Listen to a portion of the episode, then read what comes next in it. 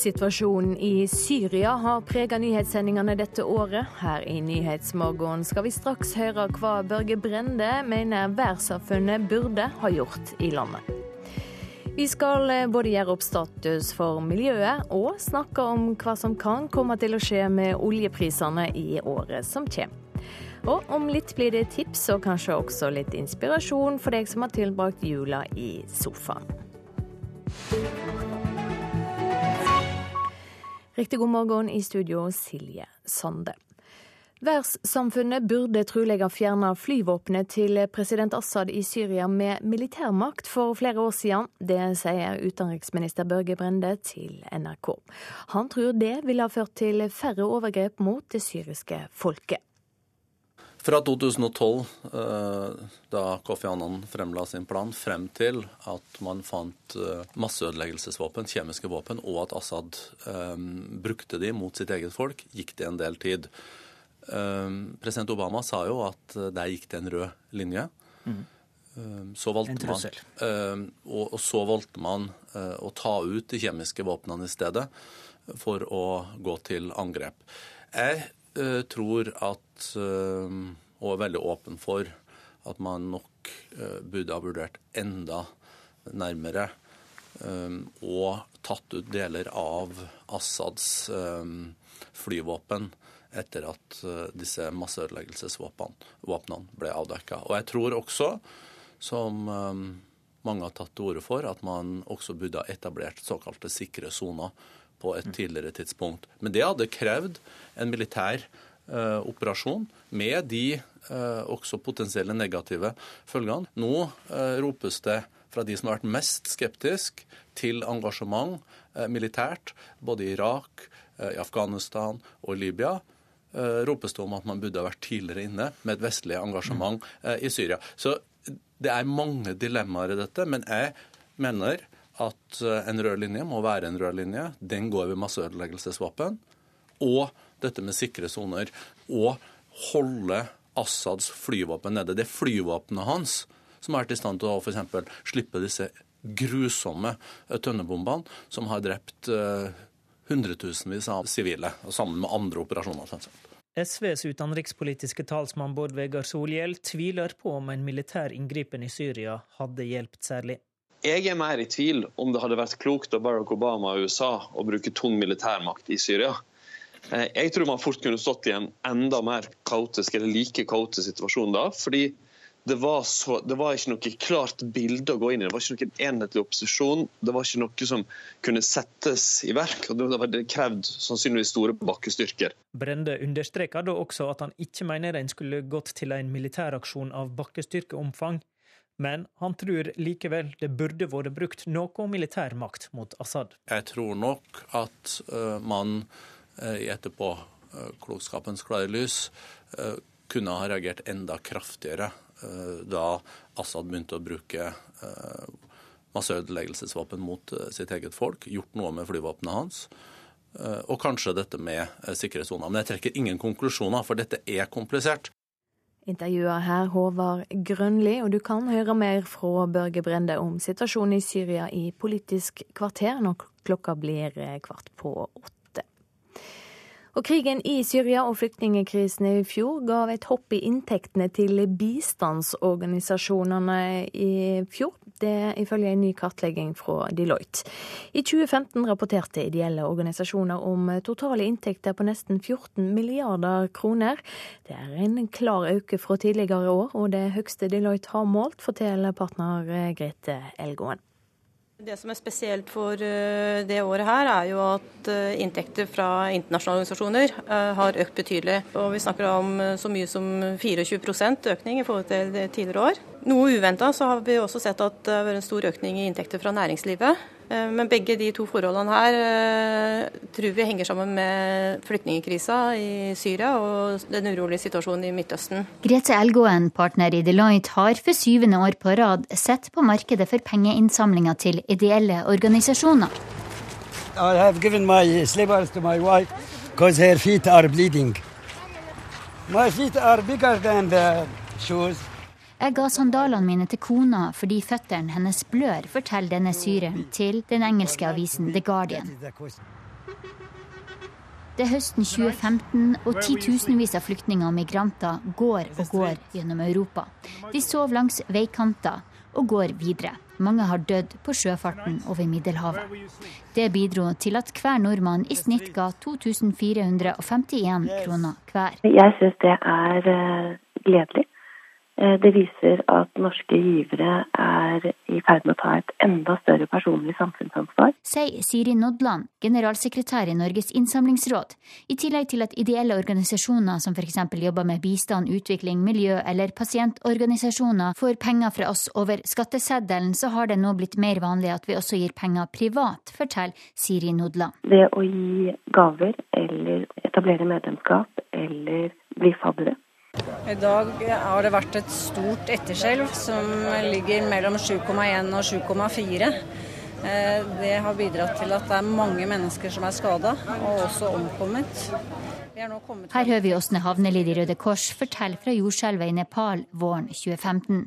En av flere katastrofer som inspirerte både næringsliv, myndigheter og privatpersoner til å gi mer, forteller Øystein Mjærum, markeds- og kommunikasjonsdirektør i Røde Kors. I 2015 så hadde vi jo både jordskjelvet i Nepal eh, og eh, flyktningkatastrofen, spesielt eh, middel, eh, rundt Middelhavet, som utløste en enorm sympati og støtte fra norske bedrifter eh, og fra norske privatpersoner. Og så har det jo også kommet en del enklere verktøy som gjør at det er enklere for folk å gi. F.eks. VIPS, og at eh, man bruker også nå mye mer SMS i innsamlingsarbeidet. Som gjør det både enklere for oss som humanitære organisasjoner å nå ut til giverne, men det, det gjør det også mye enklere både for næringslivet og ikke minst private givere å veldig enkelt kunne støtte når det skjer noe akutt. Men statlige tilskudd er fortsatt den suverent største inntektskilden. Og kanskje ikke spesielt overraskende så sniker sosiale medier seg inn som innsamlingskanal også i organisasjonslivet. Det forteller Grete Elgåen i Deloitte. Hele 43% av organisasjonene oppgir at de har tatt i bruk eh, sosiale medier det siste året. Og det er 17% som sier at de kommer til å ta i bruk det, det neste året. Så det er en eh, veldig markant endring i forhold til tidligere år. Reporter her, Linda Reinholdsen. Så skal vi snakke om oljeprisen, som jo er svært viktig for norsk økonomi. I året som kommer kan vi nok vente at både Donald Trump, Iran og oljekartellet OPEC kan komme til å påvirke prisnivået. OPEC-landene avtalte nylig produksjonskutt. Spørsmålet er om landet har disiplin nok til å følge opp sin egen avtale. Analytiker Trond Omdal i meklerhuset Pareto tror de vil ha det. Disse kuttene skal tres i kraft fra 1.1. Og vi tror på høy disiplin fra noen av nøkkellandene, spesielt Gulflandene, Kuwait og Abu Dhabi, og aller viktigst Saudi-Arabia, som 10.12. sa at de vil om nødvendig kutte mer enn det de har avtalt. Siden OPEC-landene i slutten av november avtalte å kutte produksjonen med rundt 1,2 millioner fat olje per dag, har prisen på nordsjøolje klatret fra rundt 47 dollar til drøyt 55 dollar per fat. Og nettopp det at Saudi-Arabia viser tegn til å ville gå langt for å presse prisen opp, tror Omdal vil gjøre at prisen fortsetter å stige i 2017. Vi har en, et gjennomsnittsestimat på 60 dollar fatet for uh, neste år. og fra 2018 så har vi 70 eh, dollar fat. Og vi tror nå vi kommer inn at det er der Saudi eh, driver prisen opp og vil kutte til, eh, tilstrekkelig til å komme opp på de nivåene. En annen viktig faktor for oljeprisen i 2017 tror Omdal blir USAs påtroppende president Donald Trump og forholdet til oljeeksportøren Iran. Det siste året har Iran økt sin eksport av olje kraftig, mye takket være lettelser i sanksjonene mot landet som følge av atomavtalen Iran undertegnet i 2015. Men Donald Trump og flere av hans nærmeste rådgivere er svært skeptiske til denne avtalen. Så Det blir et stort spenningsmoment. Eh, og Vi forventer både at den følges opp mye tettere, og det er òg spørsmål om, det, om Trump tar den til Kongressen. For Obama tok jo den aldri for å bli ratifisert. Eh, og, og tar de den til Kongressen, så er det antageligvis flertall for republikanerne å ikke godkjenne den. Og Da kan du få gjeninnføring av sanksjoner eh, og noe redusert oljeeksport fra Iran, som, som, kan gi enda høyere priser enn, enn vi og, og markedet i dag forventer. Reporter Halvard Norum. Velkommen til Nyhetsmorgen, sjefanalytiker Tina Saltvedt i Nordea. God morgen. Du er jo også analytiker. Hvor avgjørende tror du det blir for oljeprisen eh, i 2017 at OPEC klarer å holde disse kuttene? Jeg tror det blir svært avgjørende. For vi skal jo huske på at de siste par årene så er det jo faktisk OPEC-landene som har økt eh, sin produksjon mest.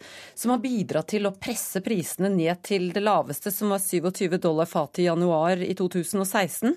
Så at de opprettholder det de har sagt, det er helt avgjørende for at prisene skal ligge på det nivået vi ser nå, rundt 55 dollar fatet, og fortsette å stige. Hva betyr dette for norsk økonomi? Er vi ferdige med oljenedturen? Nei, dessverre så er vi nok ikke det. Fordi at først i rekken og øverst i pyramiden står oljeselskapene. Og der begynner vi nok å se et lys i den mørke tunnelen. Men fremdeles så må oljeselskapene fortsette med de kuttprogrammene og de omstillingene de er i gang med. Og før oljeselskapene virkelig eh, starter med å øke produksjonen og øke trykket igjen, så vil heller ikke etterspørselen etter leverandørtjenester eh, øke. Og det gjør at fremdeles så ser det ganske mørkt ut for leverandørindustrien. Så må vi snakke litt om eh, Donald Trump. Han er vel på mange måter en, en, joker her? Ja, det kan vi definitivt si. Det er jo ingen som vet helt hva han kommer til å finne på. Det er jo litt bingo i hvilken energipolitikk han kommer til å føre. Og ikke minst også altså global, eh, global politikk, handelspolitikk. Eh, det som kan skje, er jo rett og slett at han kommer til å øke mulighetene for å produsere olje og gass i USA, og ikke minst eksportere mer olje og gass. Det vil være en direkte konkurrent til Norge her i det europeiske markedet. I tillegg så er han jo mer proteksjonistisk, dvs. Si at det kan gå utover verdenshandelen. Og verdenshandelen er jo viktig for ikke minst energietterspørselen. Så her er det mange, mange gruver som vi kan tråkke inn når det gjelder Trump. Eh, hva med Iran, hva kan skje der? Trump har jo ikke hatt de det beste forholdet til Iran. Eh, og det man er redd for, er at han skal endre nettopp det Obama gjorde i fjor. Obama fjernet sanksjoner som lå på Iran og Irans oljeindustri. Det har gjort at Iran er den produsenten som har økt sin produksjon mest i 2016. Så hvis Trump omgjør den avgjørelsen, så er det klart at Irans produksjon kan slite. Og det gjør at oljeprisene kan presses enda lenger opp, fordi det blir et strammere marked med mindre iransk olje til stede.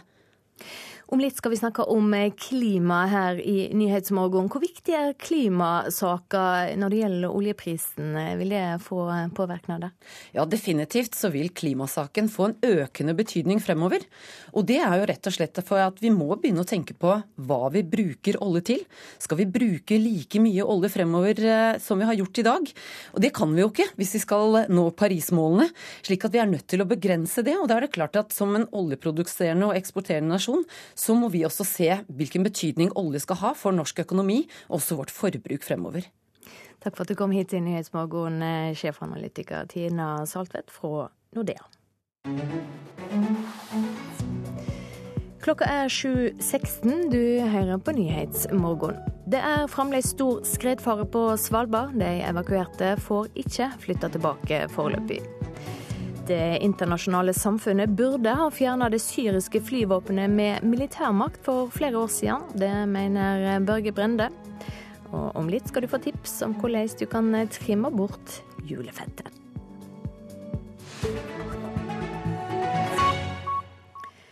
FN skaper problem i stedet for å løse problem. Det sa USAs påtroppende president Donald Trump i natt. Trump hadde et kort pressemøte etter at avtroppende utenriksminister John Kerry i sin tale om Midtøsten forsvarte at USA ikke la ned veto mot den Israel-kritiske resolusjonen i FN før fredag. Trump eh, svarte ikke direkte på spørsmål om det kan bli aktuelt å trekke USA ut av FN, forteller vår korrespondent Gro Holm. Han eh, sa at hvis FN ikke lever opp til sitt potensial, underforstått løser problemer, så er det sløsing med tid og med penger. Eh, USA bidrar med litt over en femdel av FNs regulære budsjett og litt over en firedel av budsjettet til de fredsbevarende styrkene. Så det er klart at en hel eller delvis amerikansk tilbaketrekking fra FN vil være veldig dramatisk økonomisk, i tillegg til at det jo vil undergrave organisasjonens politiske betydning. Men vi vet altså ikke eh, hva Trump mener om denne saken. Han eh, tvitret før Kerry holdt sitt innlegg i dag at vi må slutte å behandle Israel med en sånn forakt forakt og sånn manglende respekt.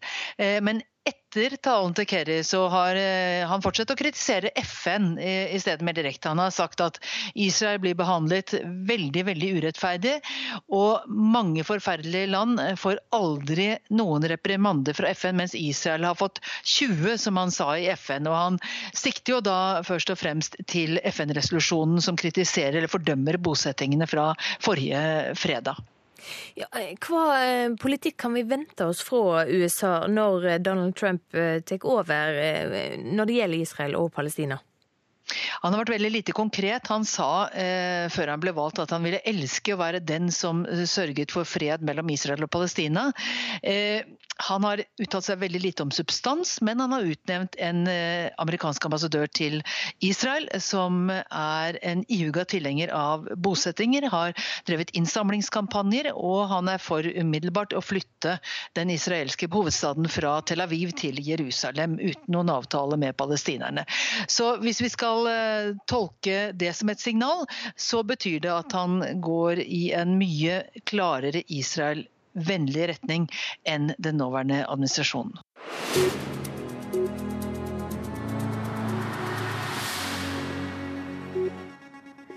«2016 ser ut til å bli det varmeste året noen gang. Det viser tall fra Verdens meteorologiorganisasjon. På Nordpolen har temperaturen vært 20 grader høyere enn normalt den siste tida, og fra Svalbard kommer det stadig meldinger om uvanlige værtilhøve. Og la oss starte nettopp på Svalbard, reporter Eivind Molde, du er kommet i studio. Stor skredfare har ført til evakueringer der i dag. Hva er det som skjer? Det er i alle fall snakk om svært store endringer i klimaet i nord. På Svalbard er dette veldig synlig. Vi har eh, sett Eh, det du beskrev nå, store evakueringer, fare for skred osv., kraftig eh, vind. Det er store utslag eh, på Svalbard. Vi ser mye regn der. Det har vært veldig mildt i høst. Mye regn. Jeg var selv i Ny-Ålesund på Svalbard i september, og da hadde det like før det kom regna veldig. Folk snakka om at dette var veldig uvanlig med så store nedbørsmengder som, som regn. Så i oktober fire ganger mer regn enn vanlig ny rekord.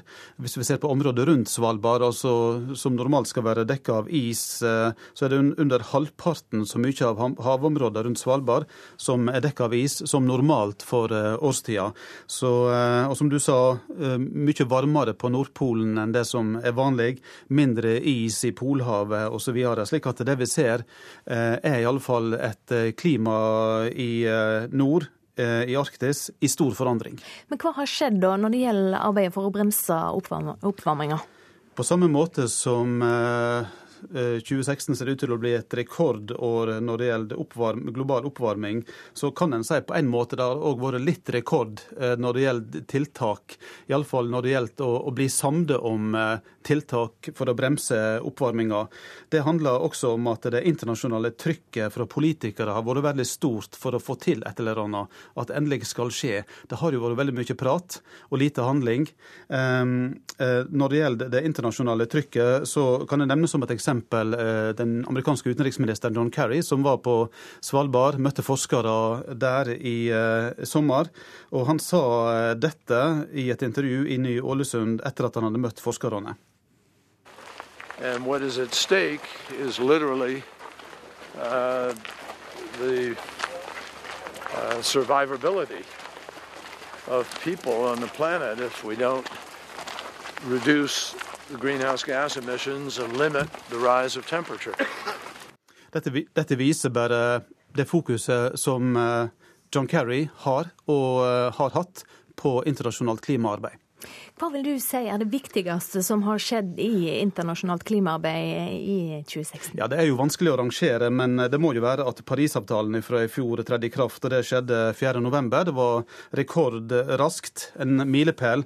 Etter 20 år med forhandlinger så ble det endelig en beslutning som nå altså er satt ut i livet. Hva annet da enn Parisavtalen bør vi trekke fram?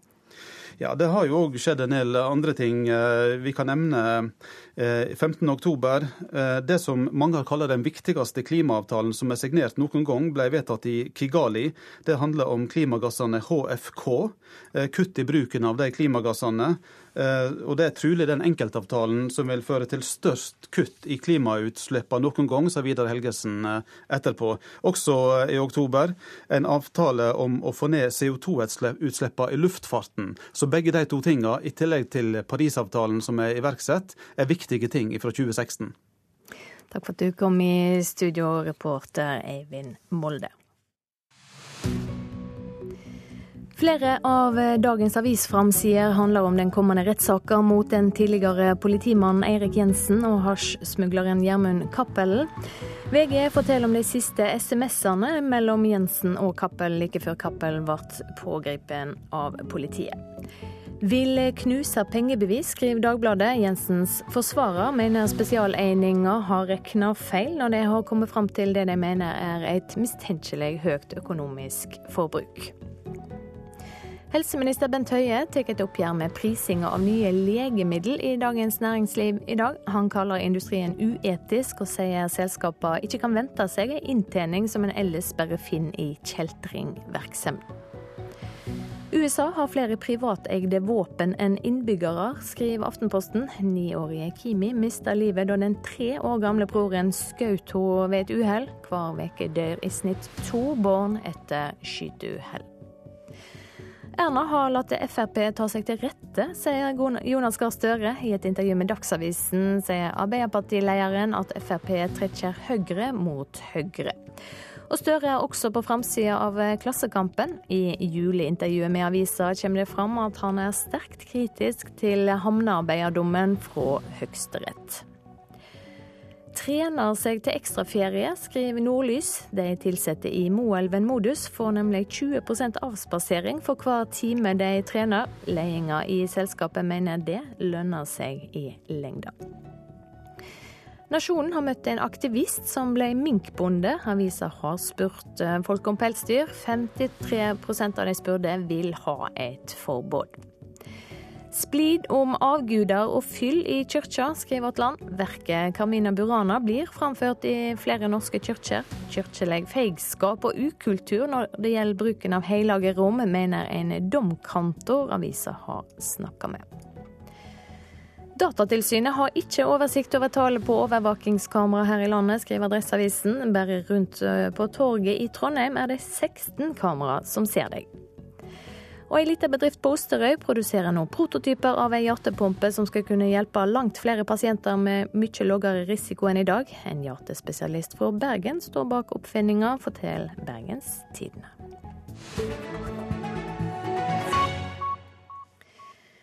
«20 minutter med fysisk aktivitet hver dag, det er rådet fra Helsetilsynet. Og det gjelder også i jula med kaker og mye fett på menyen. For eh, de delene av landet som har fått snø, kan aking være en god måte å trimme på.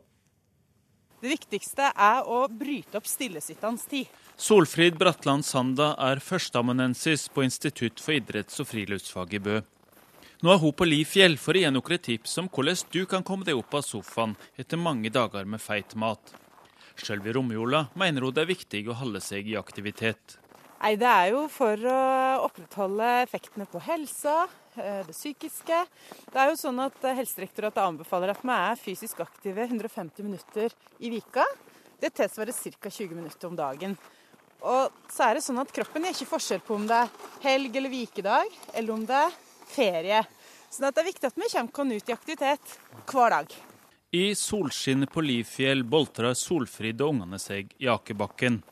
Flere utnytter finværet til å gå en tur. Solveig Tveit har kommet seg ut av hytta for å få litt trim. Jeg prøver, det er jo veldig viktig. Og her er det jo så nydelig vær. Det var en fantastisk soloppgang i dag. Og ikke så mye snø, så det er lett å komme seg fram. Syns du det er viktig å få litt trim? Ja, jeg syns jo det. Ja. Og det er lett å få dårlig samvittighet fordi man ikke gjør nok. ja. tenker at det gjør det enkelt. Finn på noe du liker. Liker du å ake? Liker du å gå på ski? Liker du å gå tur? Gjør det. Det kan òg være at det er enkelte som tenker at eh, det å begynne på treningssenter er noe for, for seg. Og da er jo fin tid å starte med det i romjula, for da er det stille på et treningssenter. Så da får du litt eh, forsprang på deg som skal starte til nyttår. Har du litt mer tro på det enn nyttårsforsett? Ja, det har jeg. Vi vet at nyttårsforsettene de varer gjerne til ja, tre-fire uker ut i det nye året, og så er vi tilbake i gamle mønstre. Så det er noe med å få til den atferdsendringa som er varig. Det er ikke så enkelt. Nå er vi ute i snoen på Lifjell for å prøve akebrettet, men det er jo ikke alle som er sno. Hva kan gjøre da? Gå en tur på beina. Er det skøyteføre eller is, så ta på skøyter. Eh, er det skikkelig ruskevær, sånn at den ikke kommer seg ut, så går det an å finne på masse inne. Eh, innetrening, styrketrening på gulvet hjemme. Lag hinderløype i støga med ungene. Sett på musikk og dans. Vær kreativ. Reporter på Lifjell i Telemark, det var Mikkel Onderå. Det er straks tid for Dagsnytt 7.30. I reportasjen etterpå skal det handle om russisk politikk. Opposisjonspolitikeren Aleksej Navalnyj stiller nemlig som presidentkandidat, selv om han har minimal sjanse til å bli valgt. Produsent for Nyhetsmorgen i dag, det er Vidar Eidhammer.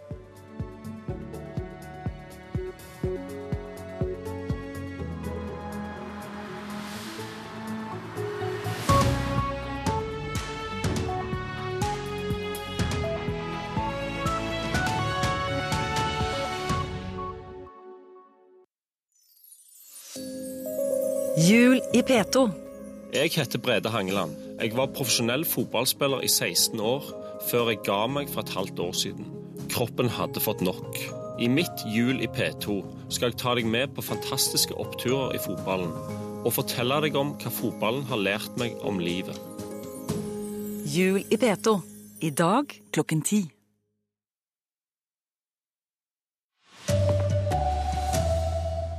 Fortsatt svært stor skredsfare på Svalbard. Uklart når de evakuerte kan flytte hjem igjen. Flyvåpenet til president Assad i Syria burde vært fjernet med makt, mener Børge Brende. Skuespillerlegenden Debbie Reynolds er død, dagen etter at datteren Carrie Fisher gikk bort. Her er NRK Dagsnytt, klokka er 7.30. Det er altså uklart når et eh, femtitalls evakuerte i Longyearbyen på Svalbard kan flytte hjem igjen, ifølge Sysselmannen. Det har blåst opp til storm på øygruppa i natt, og det er stor skredfare. Vi har vel hatt liten storm i Longyearbyen, akkurat på grensa opp til full storm. Og eh, i fjellet, der vi har eh, observasjoner eh, over flyplassen, så har det faktisk vært oppe i orkanstyrke. Sier vakthavende meteorolog i Tromsø, Gunnar Nord. Kombinasjonen nedbør og storm fører til stor snøskredfare på øygruppa, og 53 personer ble i går evakuert fra nybyen i Longyearbyen. Det er foreløpig ikke klart når de får komme hjem igjen, sier Tor Arild Hansen hos Sysselmannen. Det er for tidlig å si noe om. Som nevnt så vil det være et nytt møte i dag. Og frem til det så har vi ingen ny informasjon om situasjonen. Han har fjorårets uvær friskt i minne. Ei to år gammel jente og en 42 år gammel mann mista livet da et skred traff et boligområde i Longyearbyen. I natt har det heldigvis ikke kommet meldinger om hendelser, ifølge Sysselmannen. Evakuering har likevel vært en lur vurdering, mener meteorologen. Det er mange likhetstrekk med denne situasjonen her med den som vi hadde eh, i fjor eh, juletider, da det gikk det store skredet. Eh, det er en kombinasjon av mye nedbør og kraftig vind, og det gir jo oppbygging av foggskavler og, en del sånn uforutsigbare eh, snøforhold og, og, lokalt veldig stor skredfare. Så eh, absolutt eh, så, så syns jeg det høres fornuftig ut. Den kraftige vinden er venta å minke i løpet av formiddagen. Er det, er det, sånn at folk bør være forsiktige nå på morgenen med å gå ut, eller hvordan vurderer du det når det er så mye vind? Man må jo selvfølgelig være veldig oppmerksom hvis man skal ut med scooter eller ut i terrenget utenfor Longyearbyen og passe på øh, å ikke bevege seg i skredfarlig heng. Men øh, i Longyearbyen så skulle jeg tro det var ganske sikkert å følges. Reporter var Marit Gjelland. Verdenssamfunnet burde trolig ha fjernet flyvåpenet til president Assad i Syria med militærmakt for flere år siden. Det sier utenriksminister Børge Brende. Han tror mange av overgrepene mot det syriske folket kunne vært unngått på den måten. Jeg tror at, eh, og er veldig åpen for, at man nok eh, burde ha vurdert enda nærmere eh, og tatt ut deler av Assads flyvåpen etter at disse masseødeleggelsesvåpnene ble avdekka. Og jeg tror også, som mange har tatt til orde for, at man også burde ha etablert såkalte sikre soner på et tidligere tidspunkt. Men det hadde krevd en militær eh, operasjon med de eh, også potensielle negative følgene. Så det er mange dilemmaer i dette, men jeg mener at uh, en rød linje må være en rød linje. Den går ved masseødeleggelsesvåpen. Og dette med sikre soner. Og holde Assads flyvåpen nede. Det er flyvåpenet hans som har vært i stand til å f.eks. slippe disse grusomme eh, tønnebombene som har drept uh, hundretusenvis av sivile, sammen med andre operasjoner. SVs utenrikspolitiske talsmann Bård Vegar Solhjell tviler på om en militær inngripen i Syria hadde hjulpet særlig det var, så, det var, ikke noe klart bilde å gå inn i. Det var ikke noen enhetlig opposisjon. Det var ikke noe som kunne settes i verk. og Det hadde krevd sannsynligvis store bakkestyrker. Brende understreker da også at han ikke mener en skulle gått til en militæraksjon av bakkestyrkeomfang. Men han tror likevel det burde vært brukt noe militærmakt mot Assad. Jeg tror nok at uh, man uh, i etterpåklokskapens uh, klare lys kunne ha reagert enda kraftigere Børge Brende ble intervjuet av Håvard Grønli, og det blir et eh, lengre intervju med utenriksministeren i Politisk kvarter på P2 og Alltid nyheter kvart på åtte. Krigen i Syria og flyktningkrisen ga et hopp i inntektene til ideelle organisasjoner i fjor, ifølge ny kartlegging fra rådgivningsselskapet Deloitte. Hjelpeorganisasjonene tjente nesten 14 milliarder kroner i 2015, og det er mye mer sammenlignet med tidligere år.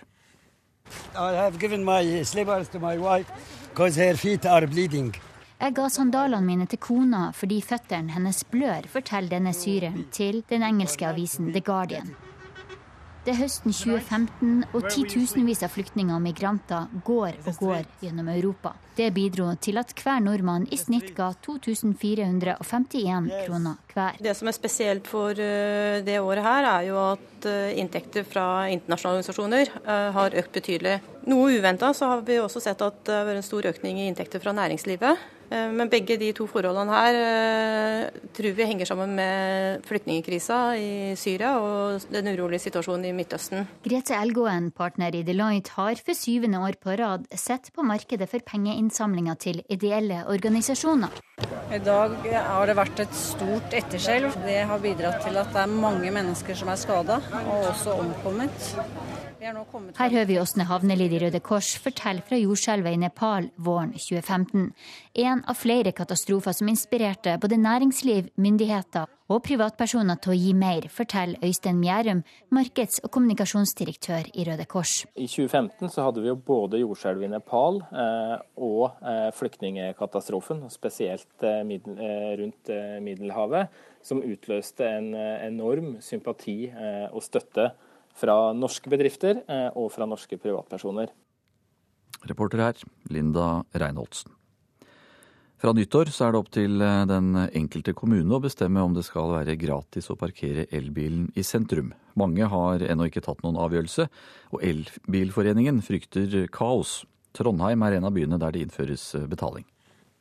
Byen er ganske full av elbiler, så at det blir en, noe innstramming på det, er ikke noe å si på, tror jeg.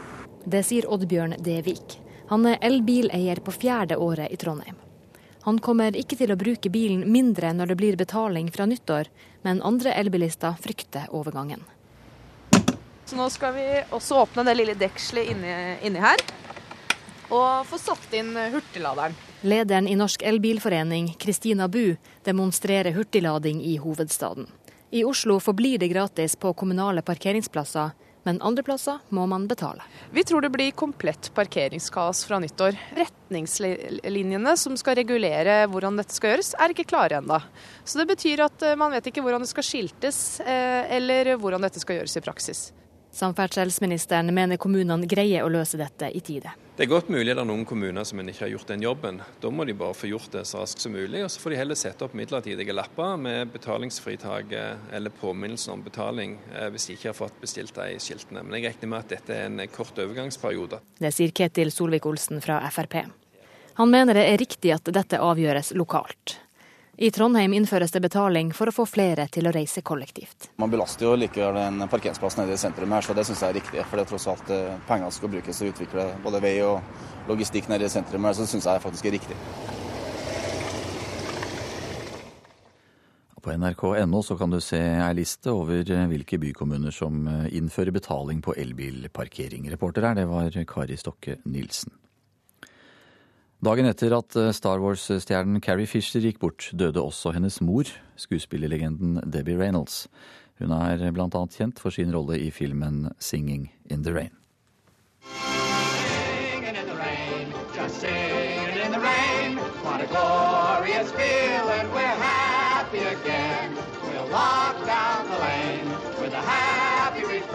Hun var kjent for rollen i musikalen 'Singing in the Rain'. Den amerikanske skuespilleren Debbie Reynolds falt om onsdag etter å ha fått slag. Hun døde 84 år gammel dagen etter at datteren Star Wars-stjernen Carrie Fisher døde. Flere medier skriver at Reynolds var sammen med sønnen for å planlegge begravelsen til datteren, mest kjent for rollen som prinsesse Leia i Star Wars. Debbie Reynolds ble for alvor kjent gjennom en rekke hovedroller i musikalfilmer på 50-tallet.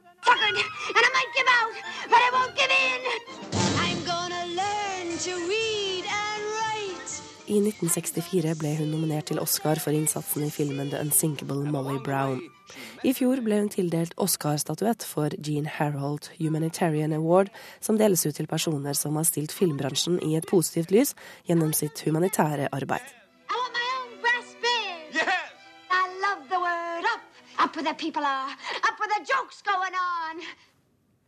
Og Det var eh, Eirin Venås Syversen som eh, oppsummerte livet til Debbie Reynolds.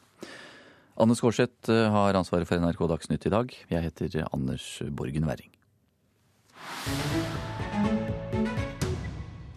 Og her i Nyhetsmorgen skal det handle om Russland nå. Den mest kjente russiske opposisjonspolitikeren, Aleksej Navalnyj, har minimal sjanse til å bli president. Likevel, nylig sa han at han stiller som kandidat i presidentvalget i Russland i 2018. Я пришел к выводу, что да, я приму участие в борьбе за пост президента России. Настоящие выборы – это не только победа одного человека. Jeg har bestemt meg for å delta i kampen om å bli Russlands neste president, sa landets fremste opposisjonspolitiker Aleksej Navalnyj i et videoopptak som nylig ble lagt ut på sosiale medier. Den 40 år gamle aktivisten har juridisk utdannelse og har arbeidet som advokat. Navalny har profilert seg som Russlands fremste korrupsjonsjeger, og da først og fremst korrupsjonen hos den politiske eliten. Korrupsjon. Я очень хочу обсудить с этой властью, как долго мы еще будем видеть министров, у которых дома хранятся чемоданы с деньгами. Når det gjelder korrupsjon, vil jeg svært gjerne diskutere med de nåværende myndigheter hvor lenge vi skal være vitne til at ministre oppbevarer kofferter med penger hjemme, sier Navalny i opptaket. Tidligere har han laget en dokumentarfilm der han hevder at Russlands riksadvokat og hans sønner er gjennomkorrupte. Han legger heller ikke fingrene imellom når han karakteriserer president Vladimir Putin. How corrupt do you think is Mr. Vladimir Putin? He's a czar of corruption. He's the basement of this corruption. And he's personally involved in corruption, and he's encouraging our official for corruption because it's his way of ruling country. Putin er tsaren som regjerer over korrupsjon. Han er selv korrupt, og dette er hans måte å styre landet på, sier Navalny i et intervju med BBC. Den politiske aktivisten ble for alvor kjent da han var med på å organisere de store demonstrasjonene som var i Moskva i 2011, i protest mot det mange mente var juks i parlamentsvalget.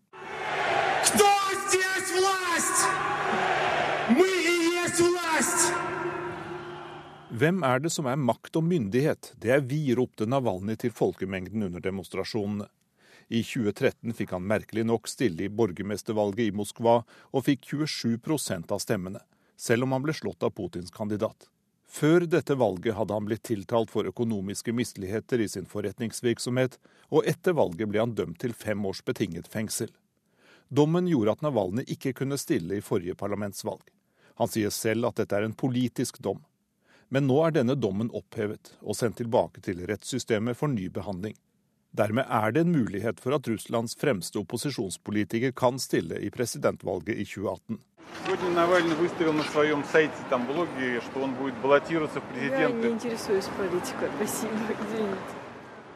En journalist fra nyhetsbyrået Reuters spør folk på gata i Moskva hva de synes om Navalny som presidentkandidat.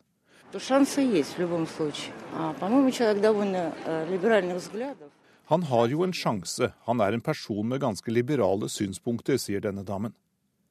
Men forsker Helge Blakkisrud ved Norsk utenrikspolitisk institutt mener at Navalnyjs muligheter er ganske små. Men det er mulig at han vil få delta for å gjøre presidentvalget litt mer spennende. Nei, Jeg vil tro at han kanskje vil kunne registreres, at han vil kunne drive en, en effektiv valgkamp. Det har vi sett han har gjort tidligere. Men eh, de vil, det sittende regimet vil ikke slippe ham for langt. De vil, gjerne, de vil gjerne ha konkurranse, men kontrollert konkurranse. Så hvis han skulle bli for eh, populær og få for stor oppslutning, så Så har vi en, en rettssak eh, gående som vil kunne stoppe hans politiske ambisjoner. Hvis han får slippe til, vil den russiske presidentvalgkampen helt sikkert bli mye friskere. Det sa reporter Jan Espen Kruse. Klokka er 7.44. Hovedsaker eh, hos oss nå. Det er fremdeles stor skredfare på Svalbard. Snøskredvarselet ligger fremdeles på faregrad 4 stor. og Det skal gjøres en ny vurdering eh, klokka 9.30. Det er foreløpig uklart når de evakuerte får flytta tilbake. Det internasjonale samfunnet burde ha fjerna det syriske flyvåpenet med militærmakt. Det mener Børge Brende. Mer om det straks i Politisk kvarter. Krigen i Syria og flyktningkrisen førte til økte inntekter for hjelpeorganisasjoner i fjor. Og fra nyttår må en betale for å parkere elbiler i mange norske kommuner. Elbilforeninger frykter kaos. Nå er det klart for Politisk kvarter, programleder Håvard Grønli.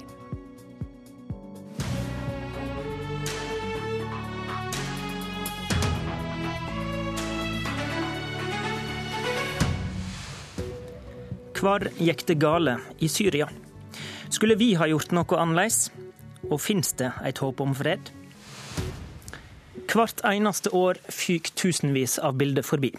De fleste har vi glemt det neste sekundet, men noen etser seg fast på netthinna og vil aldri helt slippe. Mange av de bildene som har flytta inn i hodet vårt denne høsten, kommer fra Syria. Kanskje husker også du den krigsskadde femåringen dekka av bombestøv som stirrer apatisk framfor seg i ambulansen. Eller nå nylig rekka med skitne grønne evakueringsbusser som står i kø nedover ei slags gate som går mellom utbomba bygningskall og betonghauger. Verdenssamfunnet og vi har nok gjort for lite, men hva skulle vi ha gjort? Utenriksminister Børge Brende, hvor gikk det etter ditt syn gale i Syria? Denne krigen har nå pågått like lenge som andre verdenskrig, og vi ser ingen umiddelbar ende.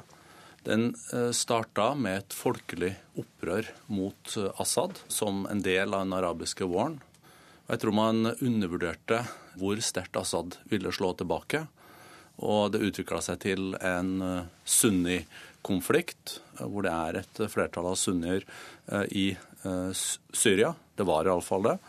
Og de ledende alawittene under Assad. Det har vært en humanitær katastrofe. Husk at Syria var et mellominntektsland. Vi burde ha gått for den planen som Kofi Annan la på bordet i august 2012 som var en balansert plan. Men det ble jo sagt at man imøtekom for mye Assads interesser den gangen. Du må minne lytterne litt på hva det ville gått ut på. Altså, Kofi Annan, som den gangen var FNs spesialutsending til Syria, la frem en plan om en inkluderende regjering i Damaskus, hvor Assad kunne sitte en viss tid men hvor alle grupperingene ble en del av dette. Dette ble jo avvist fordi at man mente at man i for stor grad imøtekom Assads interesser. Det er ikke noe tvil om at Assad burde ha gått for veldig lenge siden, men dette har jo utvikla seg til en eh, realpolitisk konflikt eh, hvor de eh, ulike regimene i regionen også støtter ulike grupper. Så det som nå kalles proxy-krig. Når Assad ikke ville gå, hva skulle vi gjort da? Som verdenssamfunn? Altså, det var jo ikke Det var i og for seg ikke Assad som kun kunne avvise denne planen til Kofi Annan. Det gjorde også resten av verdenssamfunnet. Sikkerhetsrådet eh, svikta. Eh, og så utvikla seg dette videre til en svær konflikt mellom Assad, alawitter, sjiaer, støtta av Iran, Hezbollah og Russland.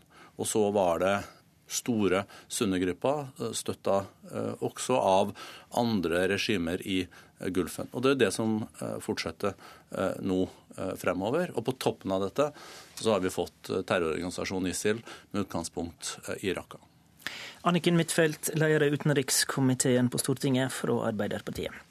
Har du et punkt du ser tilbake på og tenker der skulle vi som del av verdenssamfunnet gjort noe annerledes? Det var jo vanskelig å si at vi skulle gått inn militært på et tidligere tidspunkt. Det hadde også medført store problemer i dag. Det som var utgangspunktet for Vesten, var jo å ikke gjøre samme feil som i Libya. Ikke gjøre samme feil som ble gjort i 2003 i Irak. Ikke gjøre samme feilene som i Afghanistan. Og Derfor så var det en veldig stor tilbakeholdenhet både å gå for en avtale som innebærer at Assad skulle ha en rolle, men også bruke militær makt. Så dette blir jo en sånn håpløst historisk eksempel på hvor galt det kan bli når man ikke gjør noe. Like mye som det som skjedde i Libya, blir en eh, påminnelse på hvor galt det kan gå når man går inn og bruker militærmakt. Men det som ledende politikere sa for en del år tilbake, var at det var utenkelig å se for seg en løsning hvor eh, Assad skulle ha en rolle. Nå... Tenker du at vi burde gått inn militært da, når du formulerer det slik? Det ble jo truet med bruk av militærmakt uten at man gjorde det. Det er jo kanskje det verste. Hvis man truer med bruk av militærmakt, så bør man gjennomføre det. Men det, som er det verste i denne regionen, er jo at relativt moderate sunnimuslimer har støttet ISIL fordi de har blitt angrepet av Assad-regimet. De har ikke følt beskyttelse fra regjeringen i Irak. Og dermed så har ISIL fått en altfor stor oppslutning. Og det er eh, ikke bare et problem i regionen, men et problem for hele Europa. Brende, når det ble truga med militærmakt, burde en da fulgt det opp, som Huitfeldt sier? Fra 2012, eh, da Kofi Annan fremla sin plan, frem til at man fant eh, masseødeleggelsesvåpen, kjemiske våpen, og at Assad um, brukte de mot sitt eget folk, gikk det en del tid. Um, president Obama sa jo at der gikk det en rød linje. Mm. Så valgte en trussel. Man, og, og, så valgte man uh, å ta ut de kjemiske våpnene i stedet for å gå til angrep. Jeg uh, tror at Eh, og er veldig åpen for at man nok eh, burde ha vurdert enda nærmere eh, og tatt ut deler av Assads flyvåpen etter at disse masseødeleggelsesvåpnene ble avdekka. Og jeg tror også, som mange har tatt til orde for, at man også burde ha etablert såkalte sikre soner på et tidligere tidspunkt. Men det hadde krevd en militær Eh, operasjon, med de eh, også potensielle negative følgene som Huitfeldt var inne på. Nå eh, ropes det fra de som har vært mest skeptisk til engasjement militært, både i Irak, i Afghanistan og Libya, ropes det om at man burde ha vært tidligere inne med et vestlig engasjement i Syria. Så det er mange dilemmaer i dette, men jeg mener at en rød linje må være en rød linje. Den går ved masseødeleggelsesvåpen og dette med sikre soner. Og holde Assads flyvåpen nede. Det er flyvåpenet hans som har vært i stand til å f.eks. slippe disse grusomme eh, tønnebombene som har drept hundretusenvis av sivile, sammen med andre operasjoner. Bård Vegar eh, Solhjell, utenrikspolitisk talsmann i, eh, i, SV. Formuleringene er brukt i innledninga er skamløst henta fra en kronikk du skrev i Bergens Tidende før jul. Du skrev 'Vi har gjort for lite, men hva skulle vi ha gjort'? Og så eh, har du i denne kronikken peka på Libya som et viktig bakteppe for Syria. Hvordan? En av de tingene som spilte en rolle i startfasen, det var at det var en spesielt sterk mistillit fra uh, Russland og jeg vil legge til Kina, uten at de er så dominerende, uh, overfor USA og vestlige land etter Libya-krigen. Fordi når man gikk inn i Libya med et mandat om å beskytte sivile, så ble det etter hvert strekt. Mange mener det ble brutt. Uh, Russland aksepterte jo ved å stemme avholdende til det at man gikk inn så uh, gikk de sterkt imot det sammen med store deler av verden etter hvert, når det ble et regimeskifte. Og jeg tror at uh, Man da var i en situasjon i Syria at det var mye dårligere grunnlag for noen form for internasjonalt samarbeid om Syria. For øvrig så tror jeg det, det er gode analyser i, i, studio her. Jeg er mer i tvil om det hadde vært klokt av Barack Obama og USA å bruke tung militærmakt i Syria. Eh, jeg tror man fort kunne stått i en enda mer kaotisk eller like kaotisk situasjon da. fordi det var, så, det var, ikke noe klart bilde å gå inn i. Det var ikke noen enhetlig opposisjon. Det var ikke noe som kunne settes i verk. og Det, det krevd sannsynligvis store bakkestyrker. Det viser vel egentlig hvor, hvor, vanskelig situasjonen i Syria er, og hvor maktesløse vi har vært. Men La oss ta Libya-delen av analysen din. Eh, Brende, hvordan ser du på Solhjell sin analyse av Libya som et bakteppe for at vi ikke klarte å bidra i Syria som verdenssamfunn? Jeg tror det er en av um, flere elementer. De overlegningene som var knytta til Libya. Jeg kjenner jo Solhjell og Huitfeldt bedre til, de satt jo i regjering på det Eh, tidspunkt. Jeg bare vil legge til at eh, jeg heller ikke uh, tatt til orde for at man burde ha gått inn stort militært, hvis man fikk det inntrykk. Jeg tror nok at man i etterpåklokskapens klare lys kunne ha reagert enda kraftigere da Assad begynte å bruke masseødeleggelsesvåpen mot sitt eget folk, gjort noe med flyvåpenet hans. Eh, og kanskje dette med sikkerhetssona. sikkerhetssoner. Men jeg trekker ingen konklusjoner, for dette er komplisert. Og så kan du si at eh, Russland fylte jo det vakuum som oppsto. De så jo sitt snitt i å sende 50 jagerfly, 6000 russiske soldater. Nå er det jo etablert. Og nå like før jul så har Assads allierte Russland sammen med Iran og Tyrkia blitt trioen som prøver å ordne opp i Syria og få i stand en fredsprosess. Huitfeldt, skal vi være glade for det, eller er det problematisk at, eh, at dersom disse tre får i stand noe uten at Vesten sitter ved bordet? Ja, I verste fall så kan jo det bidra til å mobilisere mer støtte til ISIL blant sunnimuslimer. Eh, fordi de har gått inn veldig sterkt på sjianes side i denne konflikten. Så det kan skjerpe konfliktene i, i, regionen? Det kan skjerpe konflikten fordi at du nå har veldig mange regionale aktører inne. Og det som, det som i hvert fall er galt, er hvis Vesten går inn ensidig. For da får du en slags religiøs konflikt som i verste fall kan bidra til å mobilisere enda mer støtte til ekstremister. Så det bør, Så det bør ikke skje heller? Det er viktig at uh, partene i regionen er inne, men vi ser jo et annet Russland enn tidligere, som uh, går sterkere inn som delvis samarbeider, men delvis opererer helt på egen hånd. Og det er det som gjør denne konflikten så vanskelig, er at eh, vi er inne på én side og bekjemper ISIL. Det er vårt oppdrag. Vi har ikke noe oppdrag utover det. Men så har du også partene i regionen som er veldig sterkt inne med sine interesser her. Både Tyrkia, Saudi-Arabia, Iran. Solhjell, ser du noen politiske løsninger framover på denne katastrofale situasjonen? Så Det er veldig vanskelig, men det er jo det er alltid mulig å peke på noen ting. Og så er det jo vanskelig å gjennomføre. Og det første er at jeg, jeg tror at det vi ser i Syria, er kanskje det første veldig tydelige tegnet på at USA vil spille en mer tilbaketrukket rolle i Midtøsten enn det vi er vant til gjennom mange tiår.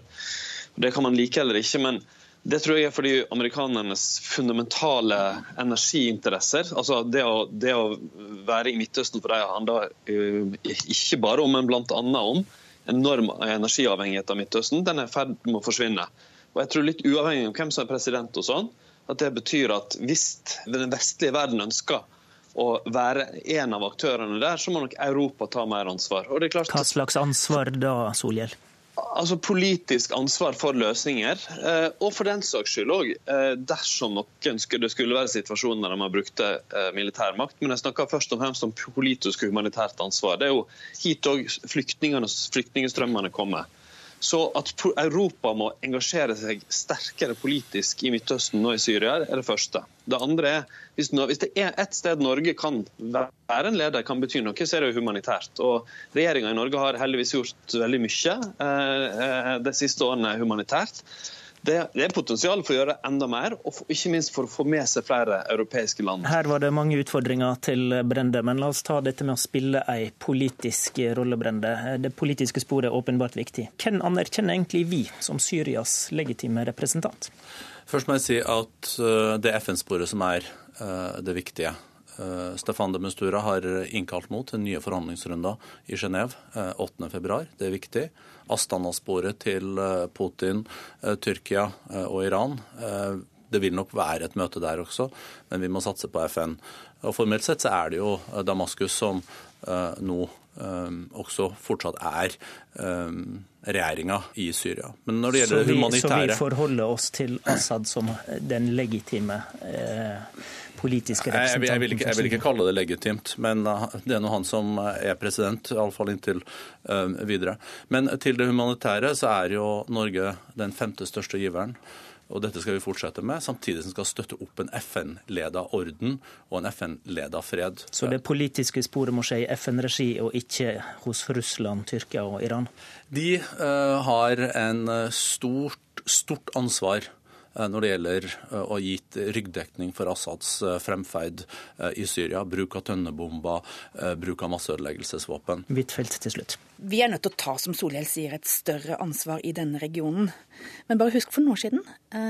Da snakket vi om å gå ut av Afghanistan. Vi trodde at terroren skulle avta i Irak straks amerikanerne trakk seg ut. Vi må innse at går vi inn militært, må vi være der over tid.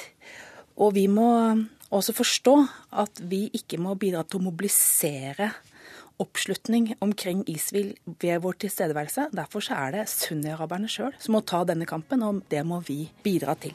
Politisk, men også gjennom militær trening og andre ting. Og det tror jeg kommer til å bli en stor oppgave for Vesten eh, i årene som kommer. Takk til utenriksminister Børge Brende, takk til Anniken Huitfeldt og til Bård Vegar Solhjell. I studio var Håvard Grønli. Prisen på olje kommer til å stige i 2017, tror ekspertene. Elbilforeningen frykter kaos når elbilister må betale for å parkere noen steder. Her er NRK Dagsnytt klokka åtte. Oljeprisen ligger an til å stige litt, eller i hvert fall holde seg på dagens eh, nivå. Det sier eh, oljeanalytiker Tina Saltvedt. I november avtalte OPEC-landene å kutte produksjonen for å presse prisen opp. Hvis OPEC klarer å overholde produksjonskuttene sine, så må vi regne med at oljemarkedet kommer til å komme i balanse ganske tidlig i 2017. Og det vil jo bidra til å støtte opp om en høyere oljepris. Å kutte i produksjonen av olje er én måte å få prisen opp på, og fra 1.1 skal nettopp landene i oljekartellet OPEC gjøre det. Det er i hvert fall planen. Historisk sett så har de ikke klart å kutte mer enn rundt 60% av hva de har lovet. Og det betyr at gjør de det, så vil vi nok ha balanse litt senere ut på året, og oljeprisen kommer til å holde seg rundt de nivåene vi ser i dag. Reporter Halvard Norum. Viljen til å ansette personer med hull i CV-en har aldri vært større, ifølge Næringslivets hovedorganisasjon. I år er flere enn 7000 personer hjulpet i jobb i arbeid- og inkluderingsbedrifter. Bedriftene erfarer at folk som før kanskje har slitt litt i arbeidslivet, er stabil arbeidskraft med lavt sykefravær når de får denne nye sjansen. Siden 2009 er det blitt nesten 1400 eh, flere eiendomsmeklere her i landet. Det er nesten en dobling på sju år. Dermed må de jobbe hardere for å kapre kundene, melder Klassekampen. Nå konkurrerer gjerne seks meklere om samme oppdrag, noe som gjør det spesielt vanskelig for nyutdannede å komme seg inn på markedet. Været på Svalbard har eh, vært eh, hardt i natt, men ingen hendelser av betydning er registrert. Det opplyser Sysselmannen. Øygruppa er rammet av storm, og faren for snøskred er stor. Når de 50 evakuerte i nybyen kan flytte hjem igjen, det er um, uklart. Fra nyttår er det opp til den enkelte kommune å bestemme om det skal være gratis å parkere elbilen i sentrum. Dermed vil det bli full betaling noen steder, halv pris i noen byer, og gratis der kommunen har vedtatt det. Norsk Elbilforening frykter det blir uoversiktlig for eh, forbrukerne, sier leder Kristina Bu. Vi tror det blir komplett parkeringskaos fra nyttår. Eh, nå er det sånn at kommunene må vedta eh, om det fortsatt skal være gratis for elbiler. Men retningslinjene som skal regulere hvordan dette skal gjøres, er ikke klare ennå. Så det betyr at man vet ikke hvordan det skal skiltes, eller hvordan dette skal gjøres i praksis. Det er leder i eh, Norsk Elbilforening, Kristina Bu. Og Samferdselsdepartementet avviser at det blir eh, kaos, sier elbilister må følge skiltene der de parkerer. NRK Dagsnytt, Anders Borgen Werring.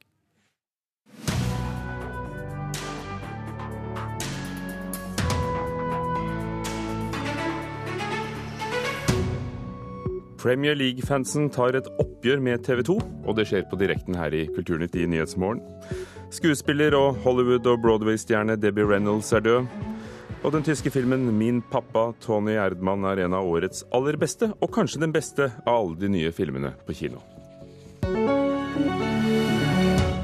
Velkommen til Kulturnytt, hvor vi også skal snakke med arkitekten bak et av de byggverkene som har havnet på den britiske avisen The Guardians liste over årets ti mest betydningsfulle hus. Men aller først fotball.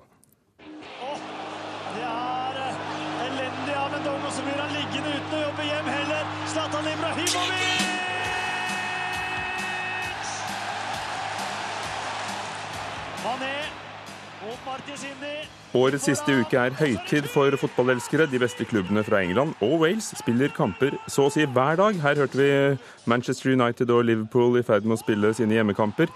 Hvis du følger en av disse klubbene, får du sett så å si alle kampene på TV 2s betalkanaler eller på nettspilleren Sumo. Men for deg, Mats Wiik Halvorsen, du heier på Tottenham. Ja. Så er det ikke like enkelt, selv om det nettopp i går var en Tottenham-kamp å, å, se, og, det, og dere vant uh, ja, ja. med fire nå? Det var veldig hyggelig, det. Men uh, mitt kjære Spurs havner gjerne litt bak i prioriteringslista til TV 2 når det gjelder hvilke kamper de skal sende. Og da er det kjedelig å oppleve at tilbudet blir uh, dårligere, og selvfølgelig mye dyrere. Hvordan dårligere?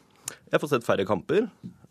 hvis jeg får sett kamper, så får jeg gjerne sett de med Eh, de med veldig tøff motstand, og det er jo et nervevrak i 90 minutter pluss, selvfølgelig. Eh, men jeg får sett færre kamper. Eh, det er populære klubber med flere seere som trekker til TV 2. Og Spurs er ikke en av de, dessverre. Og Spurs er Tottenham? Det stemmer. For alle de ikke innvidde. Bjørn Tollesen, rettighetssjef i TV 2.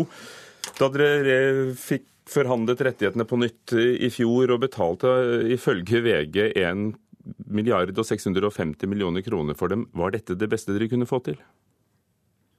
Ja, det beste i, i pris uh, kunne en jo håpe. Nå er ikke den summen faktisk viktig heller, men uh, vi har nå aldri uh, gått ut med prisen sjøl. Det vi vel har sagt er at prisen gikk opp, med over 100% fra forrige rettighetsperiode.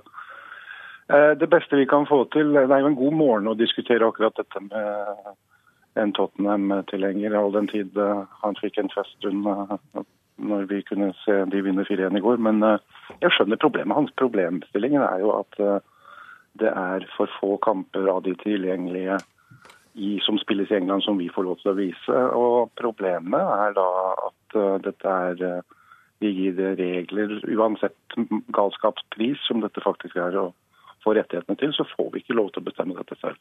Hvorfor når dere betaler så mye, eh, selv om du sier at anslaget fra VG ikke er riktig, så betaler dere som du sier rekordsummer. Hvorfor i all verden får dere ikke da lov i det minste til å forlange å sende alle kampene som dere gjorde før? Jeg syns det er et betimelig spørsmål. Jeg har nok stilt meg det sjøl noen ganger. Når du eh, bruker eh, over milliarder kroner, så tror du at du har all rett på jord til å mene det meste. Men for å sette det litt i perspektiv, så er det summer som er kjent ved at man i England har betalt ca. 60 milliarder norske kroner for disse rettighetene for tre år. Det betyr altså 20 milliarder i året betalt av Sky og eh, BT, British Telecom, for de nasjonale rettighetene i England. Eh, så mange av de eh, innfløkte og litt uforståelige reglene som vi må leve etter, er basert på hensynet til hjemmemarkedet i England og hva, hvilke interesser Sky og BT har. Så noe av regelproblematikken starter med det. Mats Halvorsen, eh, nå har vi snakket om hva det koster for TV-kanalene, men, men, for deg og for vi, oss som vil se, så koster det altså 449 kroner i måneden for et uh, abonnement på TV2 Sport Premium, eller Sumo koster rundt 400 kroner. Synes du at du, som det er nå, får valuta for pengene? Det var en periode hvor vi hadde Premier League og alle engelske cuper og Tippeligaen for nesten halvparten av prisen. Da er det usedelig at vi beveger oss nå mot bare Premier League og nesten dobbelt så mye å betale, selvfølgelig. Men hva, hva, gjør du med det, da? Får du sett kampene? Jeg får sett kampene. Det er ikke alltid jeg bruker Sumo. Jeg har det ikke selv lenger. Eh, det var siste året mitt nå. Eh, nå bruker jeg gjerne nettet. Finner litt andre kreative løsninger for å se kampene, altså.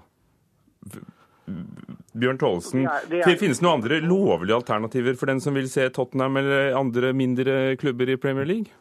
Nei, dette blir litt som musikkindustrien i starten. At man uh, fant gjerne å kunne laste ned mange ting ulovlig.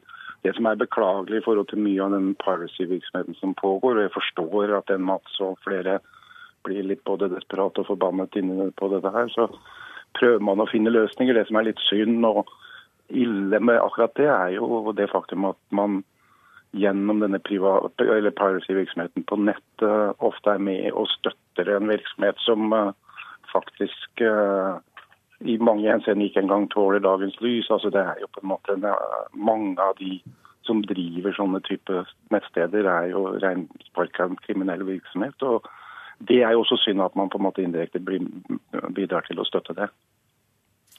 Ja, øh, men øh, hvis man... Og så er det, og så er det et tankekors. Et, et, et øyeblikk, Tollesen.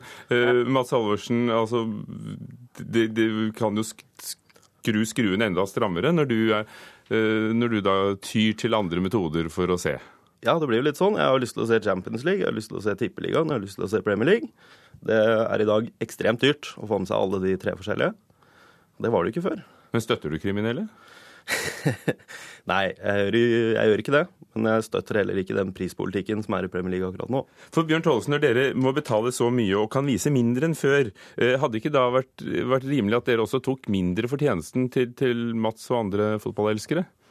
Problemet er jo at vi er i en konkurransesituasjon der vi faktisk i en uh, knalltøff uh, budrunde, ren auksjon, må betale over 100% og den økningen må på en måte hentes inn igjen. Vi driver jo heller ikke dette og aldri ment å hevde at vi driver dette for veldedighet. Vi skal på en måte måtte ta igjen de pengene. og Da er det stakkars Mats og supporterne som i bunn og grunn må betale. Det som nesten er litt eh, eh, tragisk i hele greia, er jo at de stjernene vi sitter og dyrker, og som du ser på i går kveld, de drar av gårde med kanskje halvparten av disse pengene i ren galskapslønninger. altså Hele utviklingen i Premier League har jo på en måte vært litt sjukelig i, i, prisnivå. Eh, og dette gjenspeiler seg i TV-rettighetene, som på sin side må være med å betale dette gildet i den festen dette har blitt. liksom. Og, og så harde tider det er for uh, private TV-kanaler, også TV 2. Kommer det til en grense hvor dere ikke kan være med på den karusellen, hvor kanskje fotball, fotballfolkene må, må finne seg i å få mindre for rettighetene? Den grensen vil nok sikkert finnes, men den finnes hos supporterne når det gjelder akkurat denne varen her. fordi eh, dette handler om en betalings-TV-virksomhet som er en, hel, er en forretning utenfor det rasjonelle TV 2. Vi, vi, driver dette som en ren uh, pay-TV-virksomhet, helt uavhengig av hva som går på TV 2 og økonomien i på en måte den tradisjonelle lineære kanalen. Mats Halvorsen, hvordan ser du på fremtiden for din fotballklubb på TV? Eh, vanskelig å si. Jeg håper jo de gjør det bedre, så de får mer TV-tid, selvfølgelig. Eh, men eh, nei, jeg skjønner det er veldig lett å føle seg liten som forbruker når du vet at det er du som må betale for gildet, altså. Takk skal dere ha. Mats Halvorsen, Tottenham-fan, og Bjørn Tollesen, rettighetssjef i TV 2.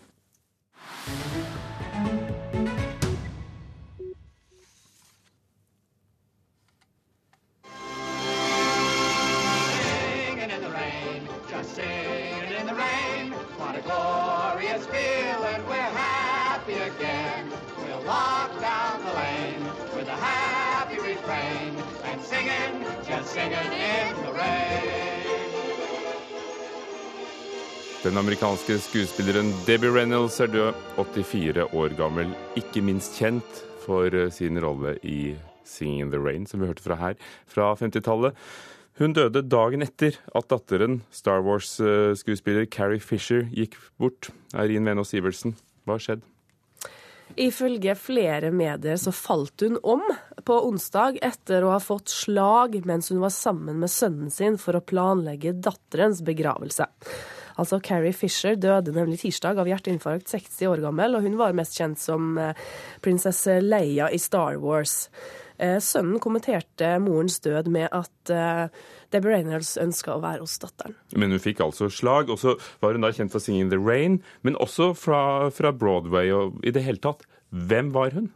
Hun ble jo sett på som en Hollywood-legende, og ble mest kjent for musikalfilmer på 50-tallet. Hun spilte mest i komedier og romantiske filmer, og en gang på 90-tallet så sa hun at eh, drama var ikke noe for henne. Drama er trist, og drama vil gjøre henne trist. Eh, hun ble nominert til Oscar for innsatsen i filmen The Unsinkable Molly Brown, en western musical, som vi kan høre litt av her.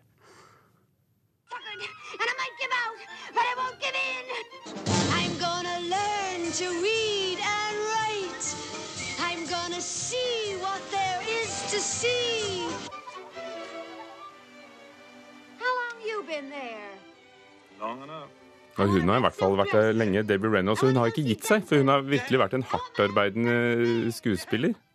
Hun eh, har eh, de senere årene gjort en rekke mindre roller i TV-serier og filmer. Hun spilte bl.a. moren til Grace i TV-serien Will and Grace. Og kom tilbake til Broadway. Også mannen Eddie Fisher, Carrie Fishers eh, far, eh, må vi ta med.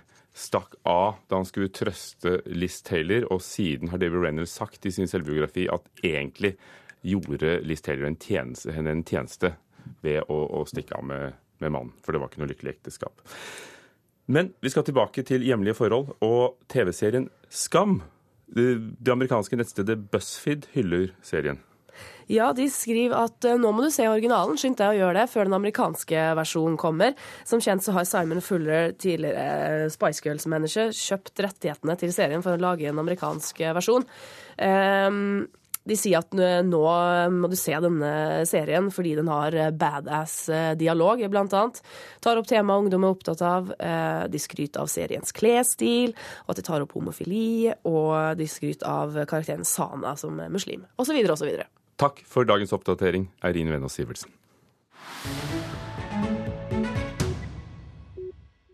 Den tyske filmen 'Min pappa Tony Erdmann' er en av de mange nye filmene som kom på kino denne uken, og kanskje den beste, ifølge vår anmelder. NRKs filmkritiker Birger Vestmo synes det er blitt en morsom og rørende film om en far som gjør hva han kan for å få kontakt med datteren sin. I'm Tony. T Tony Erdmann. Nice to meet you. I'm consultant and coach. Vi forbinder tyskere med mye, men kanskje ikke humor. Derfor kommer min pappa Tony Erdmann som en særdeles hyggelig og uventa overraskelse. Denne tyske filmen er nemlig veldig morsom, samtidig som den elegant skildrer en fars rørende forsøk på å få bedre kontakt med sin datter. Filmen er lenger enn den trenger å være, og går glipp av en fantastisk slutt, men min pappa Tony Erdmann er likevel en av årets beste filmer. Regissør og manusforfatter Maren Ade more og glede filmelskere med en historie med et stort hjerte, løfta frem av fantastiske prestasjoner i de to hovedrollene. Willst du mich fertig machen oder was? Pappa, ich rede mit dir.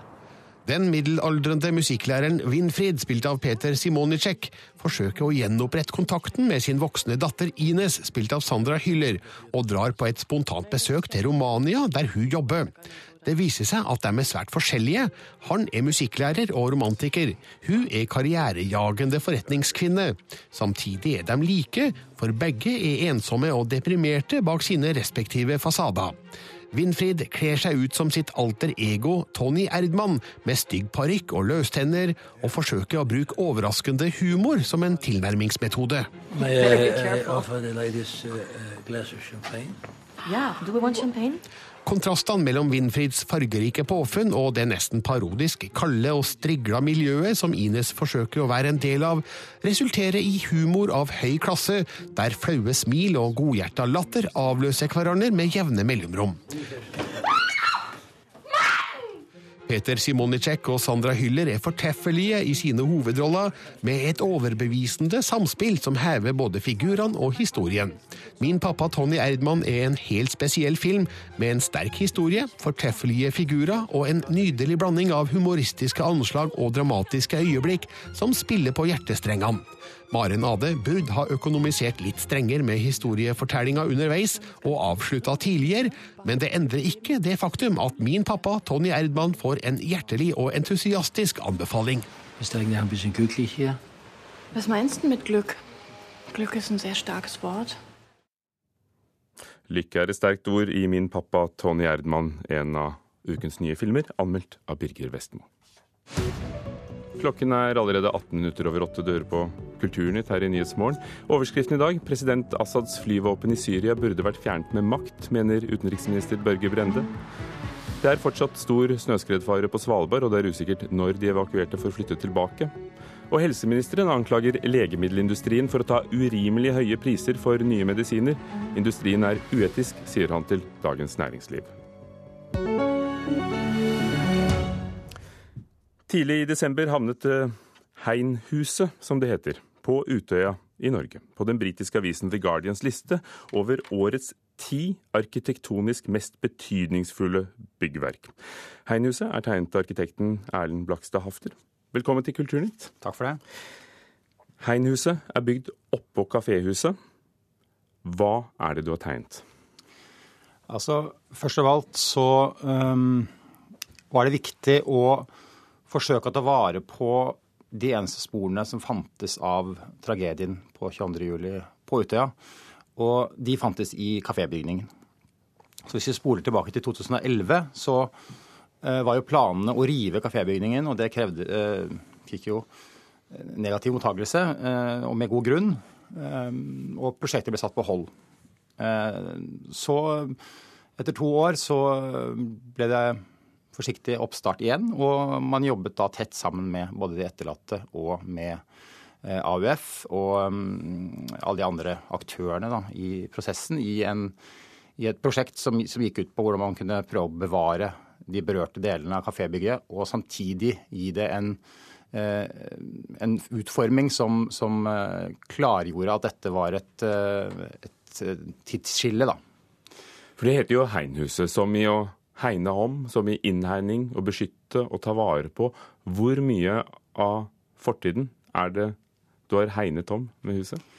Nei, vi har tatt vare på de berørte delene. Så det var egentlig eh, det sentrale i konseptet. Det var å, å um, se på hva som måtte bevares for å fortelle historien om 22.07.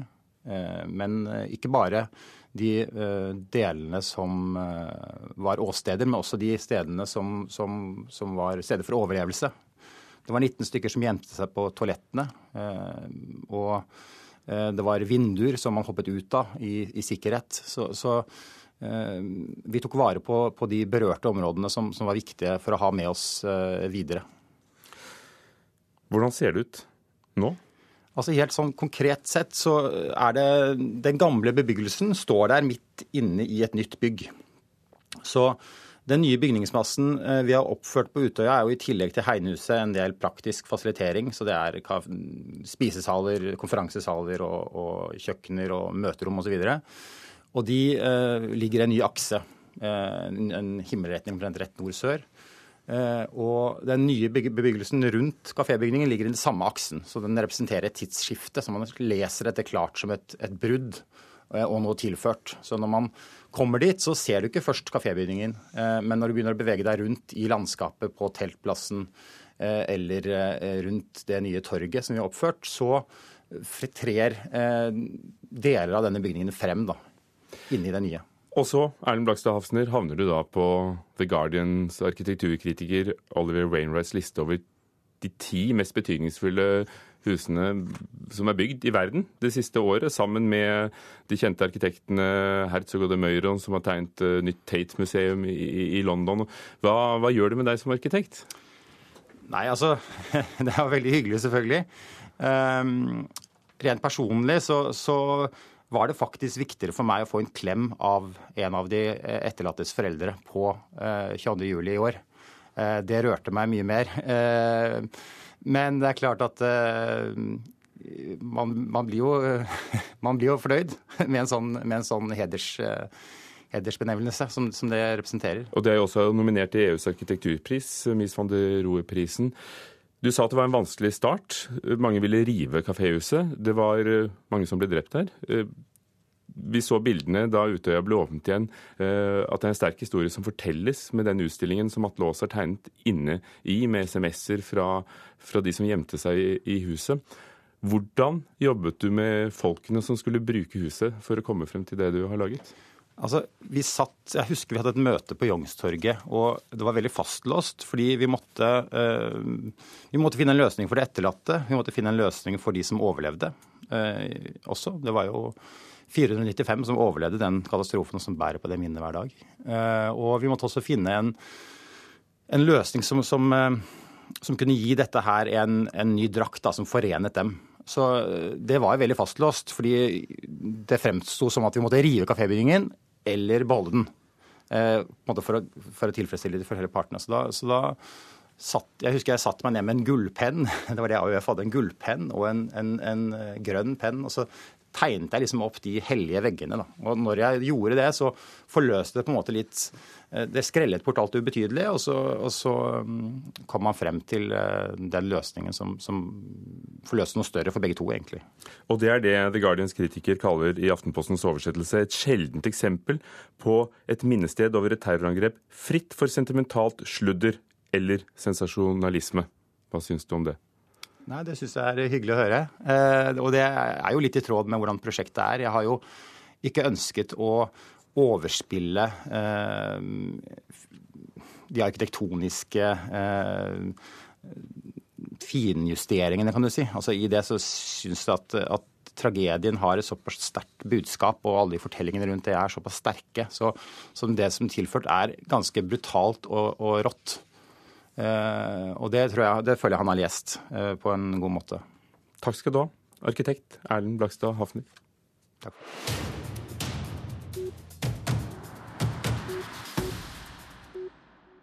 Fra arkitektur til um, Kulturnytts egen knappe oppsummering av året i kunsten. I løpet av året har vår kunstkritiker Mona Pale Bjerke anmeldt over 40 utstillinger her i radioen. Hva vil du si Mona Palle Bjerke, har vært den mest oppsiktsvekkende utstillingen? Altså Man må nesten fremheve Yayoi Kusama eh, på Henny Onsdag Kunstsenter. Den japanske prikkedronningen og poppioneren. Eh, det ble jo sagt at dette var eh, den store selfieutstillingen. At det er så fotogent, dette bakteppet. Men jeg tenker jo at dette var nettopp den utstillingen der du virkelig kunne legge igjen mobilen utenfor. Fordi Kusama selv i sine spektakulære speilinstallasjoner vever betrakterens speilbilde inn i sine eh, arbeider. Oppsiktsvekkende er jo ikke nødvendigvis det samme som det beste. Hva vil du trekke frem hvis vi skulle være så tabloide og, og si at dette er den beste utstillingen i år? Jeg er jo fristet til å si Jorn pluss Munch. Det var et, eh, et høydepunkt, helt klart. Et, et mektig mestermøte. Eh, blant annet så var det utrolig sterkt den delen som handlet om eksistensiell uro, hvor en grafikkversjon av Skrik var stilt sammen med noen utrolig uhyggesvangre, sterke, halvabstrakte malerier av Jorn. Blant annet dette maleriet Dobbeltansikt, hvor du ser en skrikende skikkelse som på en måte stiger frem fra den abstrakte komposisjonen. Dette var utrolig flott og, og spennende. En begivenhet vi husker du nevnte med begeistring og, og, og, fine ord, var Bergen Assembly. Ja, det var mye opp og ned på Bergen Assembly, men en utrolig flott, eh, en utrolig flott utstilling var den som handlet om hørsel og lyd i Sentralbadet i Bergen, der jeg bl.a. fikk en lydmassasje med hørselvern og bind for øynene, fikk oppleve hvordan man kan lytte skaftet, med ryggraden, med håndflatene. Eh, Det var en kjempeminneverdig. I tillegg så vil jeg jo nevne Trondheim kunstmuseum, som hadde utstilling med den canadiske kunstneren Melanie Gilligan. En eh, science fictions visjon laget som en TV-serie, hvor hun eh, reflekterer over fremtidens teknologi. Blant annet da en innretning som hun kaller The patch, som var da man kunne trykke opp i ganen, og som gjorde at man kunne kjenne rent fysisk andre menneskers følelser. Veldig interessant utstilling. Hva synes du om aktivitetene i museene hvis vi zoomer ut? Ja, det, jo, det har jo vært litt labert her og der. Både på Kode, kunstmuseet i Bergen, har det ikke, eller har ikke vært sånn kjempe de store titlene. Kanskje også eh, Trondheim kunstmuseum hvor det har vært eh, oppussing. Men det er klart at eh, Nasjonalmuseet har jo hatt et et ålreit år. Eh, de har jo bl.a. hatt da nå sist eh, Sissel Påske, den glemte poppioneren, som er kjent for sin eh, store skulptur av en avbrent fyrstikk, og som også så, har et sånt rikt formangfold med keramikk. Hun er jo også, gra, var jo også grafisk designer og smykkekunstner. En kjempeflott eh, utstilling. I tillegg så hadde de jo denne eh, interessante og praktfulle Japan-utstillingen, Japanomania. Men jeg må jo si at jeg da stusset ved at når man da skaper det man kan si i en viss forstand er et bilde av Østen, eh, skapt av Vesten, at man ikke også problematiserer den tradisjonen da, som japonismen stiller seg inn i. Men du likte er- utstillingen? Jeg likte utstillingen. Hvilket av museene eller galleriene, når du tenker på alle, alt det du har sett, har utmerket seg spesielt? Jeg vil jo si Henny Onsdag Kunstsenter, for det var ikke bare Kosama-utstillingen, men også den flotte Nikolai Astrup-utstillingen, hvor de klarte å aktualisere eh, denne kunstneren opp mot samtidskunsten med bærekraft og økologiperspektiver. Det var en veldig, veldig fin utstilling. Det er jo selvfølgelig alltid fristende å snakke om det som har vekket størst glede og begeistring, men det hender jo det møter skuffelser.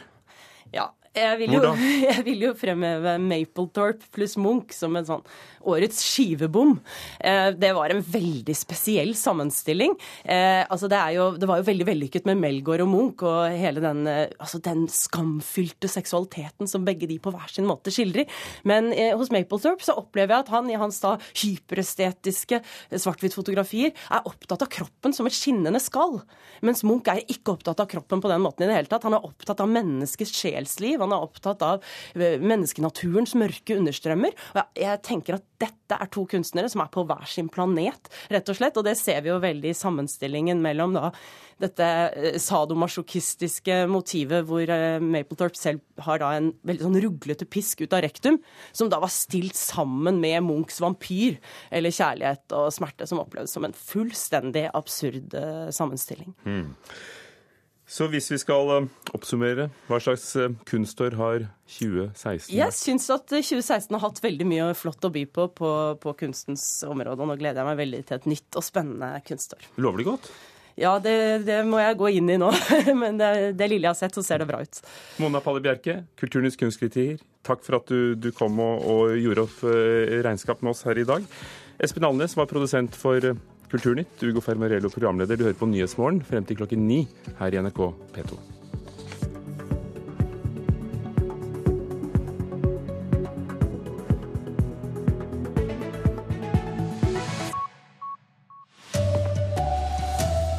Snøskred og uvær preger folk på Svalbard. Krigen i Syria og flyktningkrisen ga et hopp i inntektene til hjelpeorganisasjoner i fjor. Her er NRK Dagsnytt klokka 8.30. Uværet på Svalbard er en stor påkjenning for øybefolkningen. Det sier leder av lokalstyret i Longyearbyen, Arild Olsen. Øygruppa er rammet av storm, og faren for snøskred er stor. Det er jo åpenbart at eh, det er stressende for befolkninga. Selv om de tar det med fatning, så er det jo en påkjenning og må evakuere. Og Det er også samme bygningsmasse som eh, er utsatt for flere naturfarer. Det er jo et mål å komme seg ut av eh, varslingssystemet, og det vil jo si enten skredforbygning eller å sanere og flytte bebyggelse. Det er uklart når de 50 evakuerte i Nybyen kan flytte hjem igjen. Helseminister Bent Høie anklager legemiddelindustrien for å ta urimelig høye priser for nye medisiner. Det skriver Dagens Næringsliv. Bare i år er summen økt med 350 millioner kroner. Industrien forsvarer prisene med omfattende forskning. Krigen i Syria og flyktningkrisen ga et håp i inntektene til ideelle organisasjoner i fjor, ifølge ny kartlegging fra rådgivningsselskapet Deloitte. Hjelpeorganisasjonene tjente nesten 14 milliarder kroner i 2015, og det er mye mer sammenlignet med tidligere år. Det som er spesielt for eh, det året her, er jo at eh, inntekter fra internasjonale organisasjoner eh, har økt betydelig. Noe uventa så har vi også sett at det har vært en stor økning i inntekter fra næringslivet. Eh, men begge de to forholdene her eh, tror vi henger sammen med flyktningkrisa i Syria og den urolige situasjonen i Midtøsten. Grete Elgåen, partner i Deloitte, har for syvende år på rad sett på markedet for pengeinnsamlinger til ideelle organisasjoner. I 2015 så hadde vi jo både jordskjelvet i Nepal eh, og flyktningkatastrofen, spesielt rundt Middelhavet, som utløste en enorm sympati og støtte fra norske bedrifter eh, og fra norske privatpersoner. Det sa kommunikasjonsredaktør i Norges Røde Kors, Øystein Mjærum. Reporter var Linda Reinholdsen. Et år etter at Kina gikk bort fra ettbarnspolitikken, har antall fødsler økt med over én million. 17,5 millioner kinesiske babyer er født i 2016. Fra 1970 fram til i fjor så fikk par i store deler av landet bare lov til å ha ett barn. Ikke siden 1975 har det vært et så godt år for norske filmer på kino som i år, ifølge Dagens Næringsliv. Norske kinofilmer har hatt tre millioner besøkende i 2016, og Kongens nei er den mest sette filmen. Den tidligere besøksrekorden på kino er fra året da Flåklypa Grand Prix hadde premiere, altså for 40 år siden. NRK Dagsnytt, Anders Borgen Werring.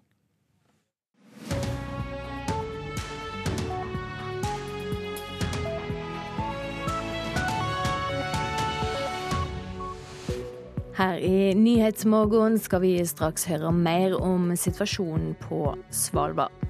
Vi får eh, siste nytt om våpenhviler som skal være innført i Syria. Og ikke så mange av oss husker hva vi har drømt om, men eh, mobilopptak kan være avslørende. I går kom det melding om at Tyrkia og Russland var blitt samlet om en avtale om våpenhvile for Syria. Våpenhvila skulle ta til å gjelde fra midnatt, ifølge tyrkisk presse. Og Moskva-korrespondent Morten Jentoft, har eh, russiske styresmakter nå stadfesta at denne avtalen er et faktum? Nei, eh, det har de ikke. Pressetalsmannen til eh, den russiske presidenten Vladimir Putin, Dmitrij Piskov, han sier det at han ikke har nok detaljer ennå til å bekrefte innholdet i en eventuell avtale. Nå skal det ha pågått forhandlinger i Tyrkia, der også syriske opprørere skal ha vært involvert. og det er ventet en pressekonferanse senere i dag der om resultatet av eh, disse forhandlingene.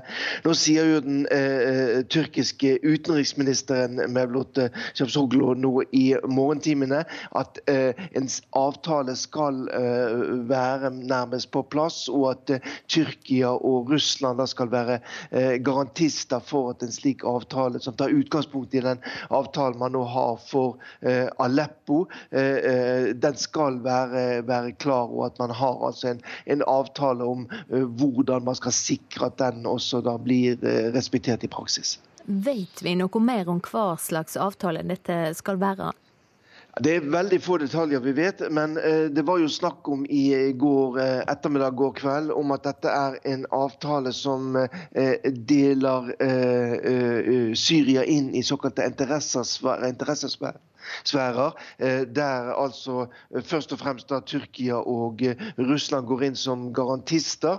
Det gjelder en interessesfære vest i landet, som domineres av de sjiamuslimske alawittene, som jo også da president Bashar al-Assad hører til. Og det gjelder da andre interessesfærer der tyrkerne har innflytelse. og Det gjelder jo da selvfølgelig disse områdene i nord i Syria, der kurderne holder til også. Tyrkia er jo livredd for at de skal få for stor innflytelse i, i Tyrkia. Samtidig så skal da denne avtalen innebære at den syriske presidenten Bashar al-Assad får sitte fortsatt ved makten. Det har vært et hovedkrav fra russisk side, selv om Tyrkia da fremdeles da motsetter seg direkte forhandlinger med, med Bashar al-Assad.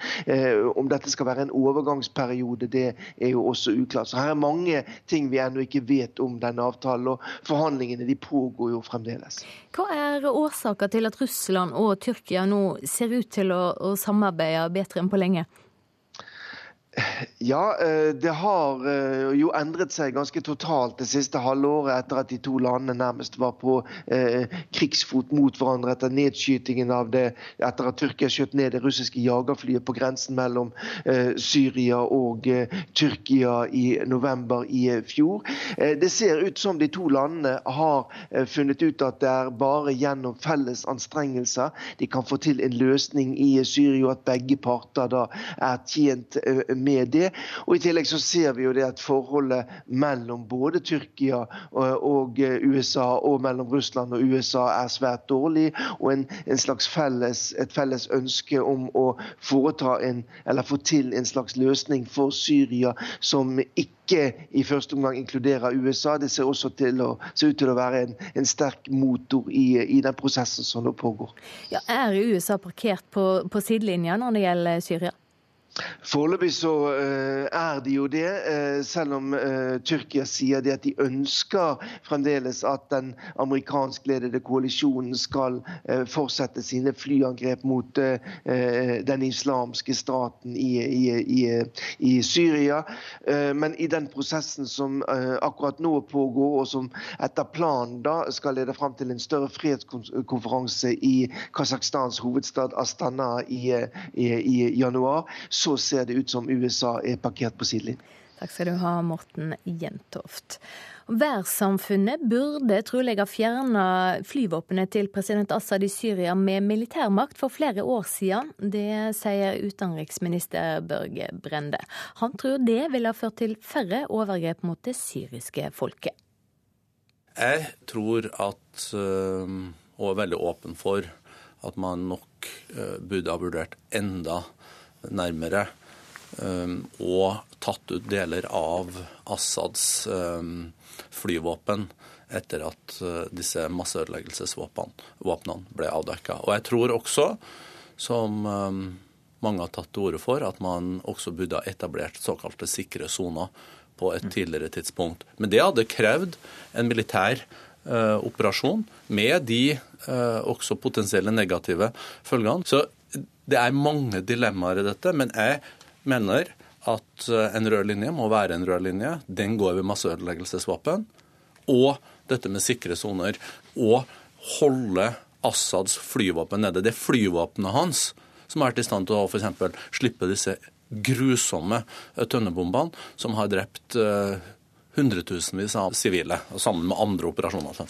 SVs utenrikspolitiske talsmann Bård Vegar Solhjell tviler på om en militær inngripen i Syria hadde hjulpet særlig. Det var, så, det var, ikke noe klart bilde å gå inn i. Det var ikke noen enhetlig opposisjon. Det var ikke noe som kunne settes i verk. og Det var krevd sannsynligvis store bakkestyrker. Brende understreker da også at han ikke mener en skulle gått til en militæraksjon av bakkestyrkeomfang, men han tror likevel det burde vært brukt noe militær makt mot Assad. Jeg tror nok at uh, man uh, i etterpåklokskapens klare lys kunne ha reagert enda kraftigere. Intervjuer Håvard Grønli.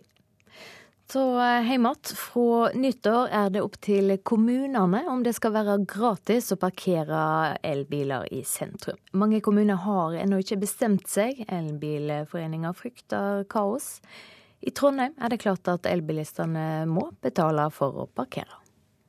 Byen er ganske full av elbiler, så at det blir en noe innstramming på det er jo ikke noe å si på, tror jeg. Det sier Oddbjørn Devik. Han er elbileier på fjerde året i Trondheim. Han kommer ikke til å bruke bilen mindre når det blir betaling for å parkere med elbil i sentrum fra nyttår, men han mener at de elektriske bilene har vært veldig viktige for miljøet i Midtbyen. Ta Innherredsveien her i Trondheim, som har eh, blitt mye mye eh, bedre på forurensning etter inntoget, store inntoget av elbiler i byen her. Så det er klart det er sentralt for byen. Nei, nå er ladeluka åpna, så nå skal vi også åpne det lille dekselet inni, inni her. Og få satt inn hurtigladeren. Elbilforeningas leder demonstrerer hurtiglading i hovedstaden. Her blir det fortsatt gratis å parkere, men de frykter at det blir veldig uoversiktlig fra 1.1. Vi tror det blir komplett parkeringskaos fra nyttår. Det sier Kristina Bu i Norsk Elbilforening. Nye regler er innført, men retningslinjene fra Vegdirektoratet er ikke klar. Med tanke på at ikke det engang er avklart hvordan det skal skiltes, så, så, vil man jo egentlig eh, være veldig usikkert eh, hva som gjelder i den enkelte kommune. Det blir også gratis å stå i bl.a. Drammen, Sandnes, Kristiansand og Arendal. I flere byer må man betale, bl.a. i Bergen, Bodø, Tønsberg og Stavanger, men med ulike begrensninger. Andre byer igjen har ikke bestemt seg, bare dager før nye regler trer i kraft. Jeg syns Solvik-Olsen nå bør, eh, bør, rydde opp og, og, si at nå viderefører vi parkeringsfritaket for elbil fram til det nye regimet er på plass. Så får kommunene tid til, til å områ seg, og det blir mer forutsigbart for forbrukerne. Men samferdselsministeren vil ikke utsette de nye parkeringsreglene.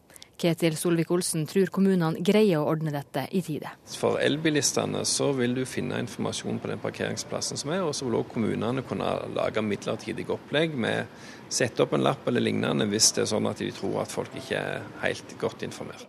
Han bekrefter at veiledninga ikke er klar, men sier det bare er snakk om en overgangsperiode. Det blir ikke uoversiktlig, du må lese skiltene på hver parkeringsplass. I dag er det sånn at det er fritak på offentlige plasser, men det er betaling på private. I framtiden må du se på hver enkelt plass. Jeg tror at elbileiere som alle andre klarer å lese skiltene på den parkeringsplassen der de står.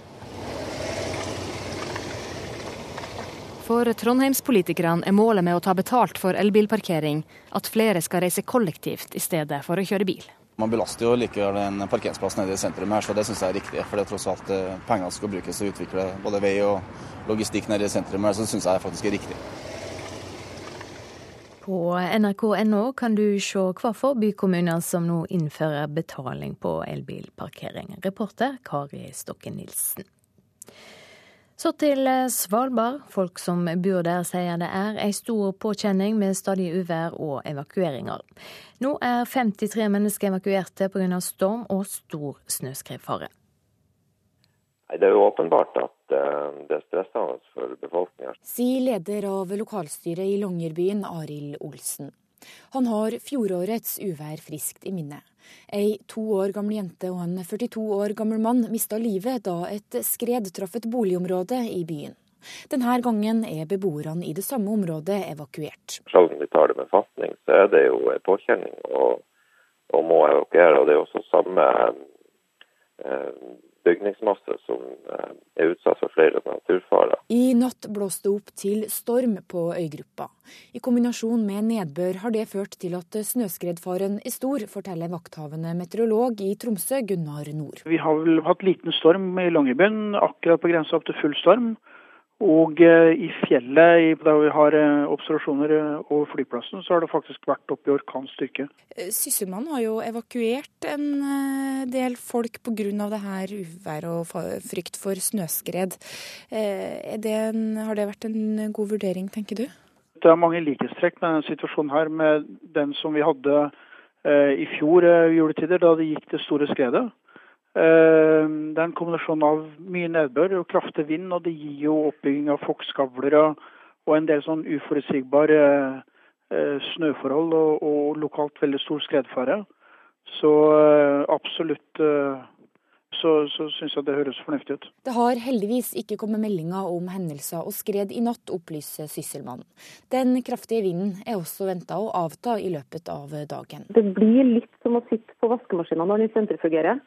Det blir veldig mye risting i husene. Sier Tove Jensen, som bor i Longyearbyen, om uværet. Det blir, eh, nå, nå bor jo vi skredsikkert og eh, føler oss ganske trygge i forhold til det. Men jeg skjønner jo dem som bor i områder der det stadig blir evakueringer. Eh, for det, det er jo noe man skal leve med ganske ofte. Det, det blåser jo litt oppå her.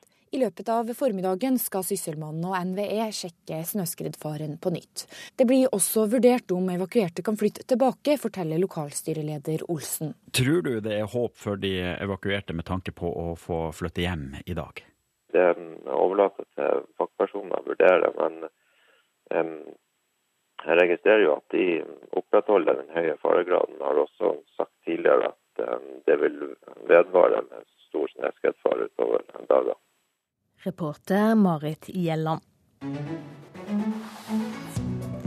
Du hører på Nyhetsmorgen, klokka er blitt 8.46.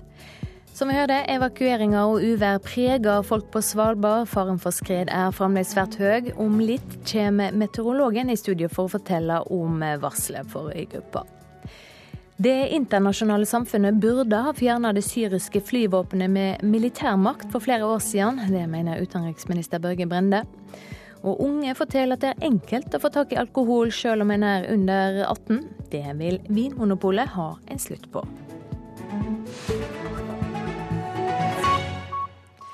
Men først nå. Fra nyttår av må folk under 30 år gjøre noe aktivt for å motta sosialhjelp. Kring 40 000 unge må møte på faste aktiviteter for ikke å få trekk i stønaden. I Fana i Bergen er ordninga alt innført. Det er alltid noen som ikke møter. Eva Karin Sandvik er avdelingsleder ved Folk i arbeid. Aktivitetsprogrammet knytt til Nav-kontoret i Bergens mest folkerike bydel. Personer under 30 år er fra årsskiftet plikta til å være i en form for aktivitet, som skal hjelpe mottakerne ut i jobb og vekk fra sosialstønad i Nav-systemet. De får hjelp til å, å søke på jobber og det å skrive CV og søknad. Flere norske kommuner har innført aktivitetsplikt med hell. Nå skal samtlige kommuner tilby et hjelpeapparat som over tid skal spare dem for store stønadsutbetalinger.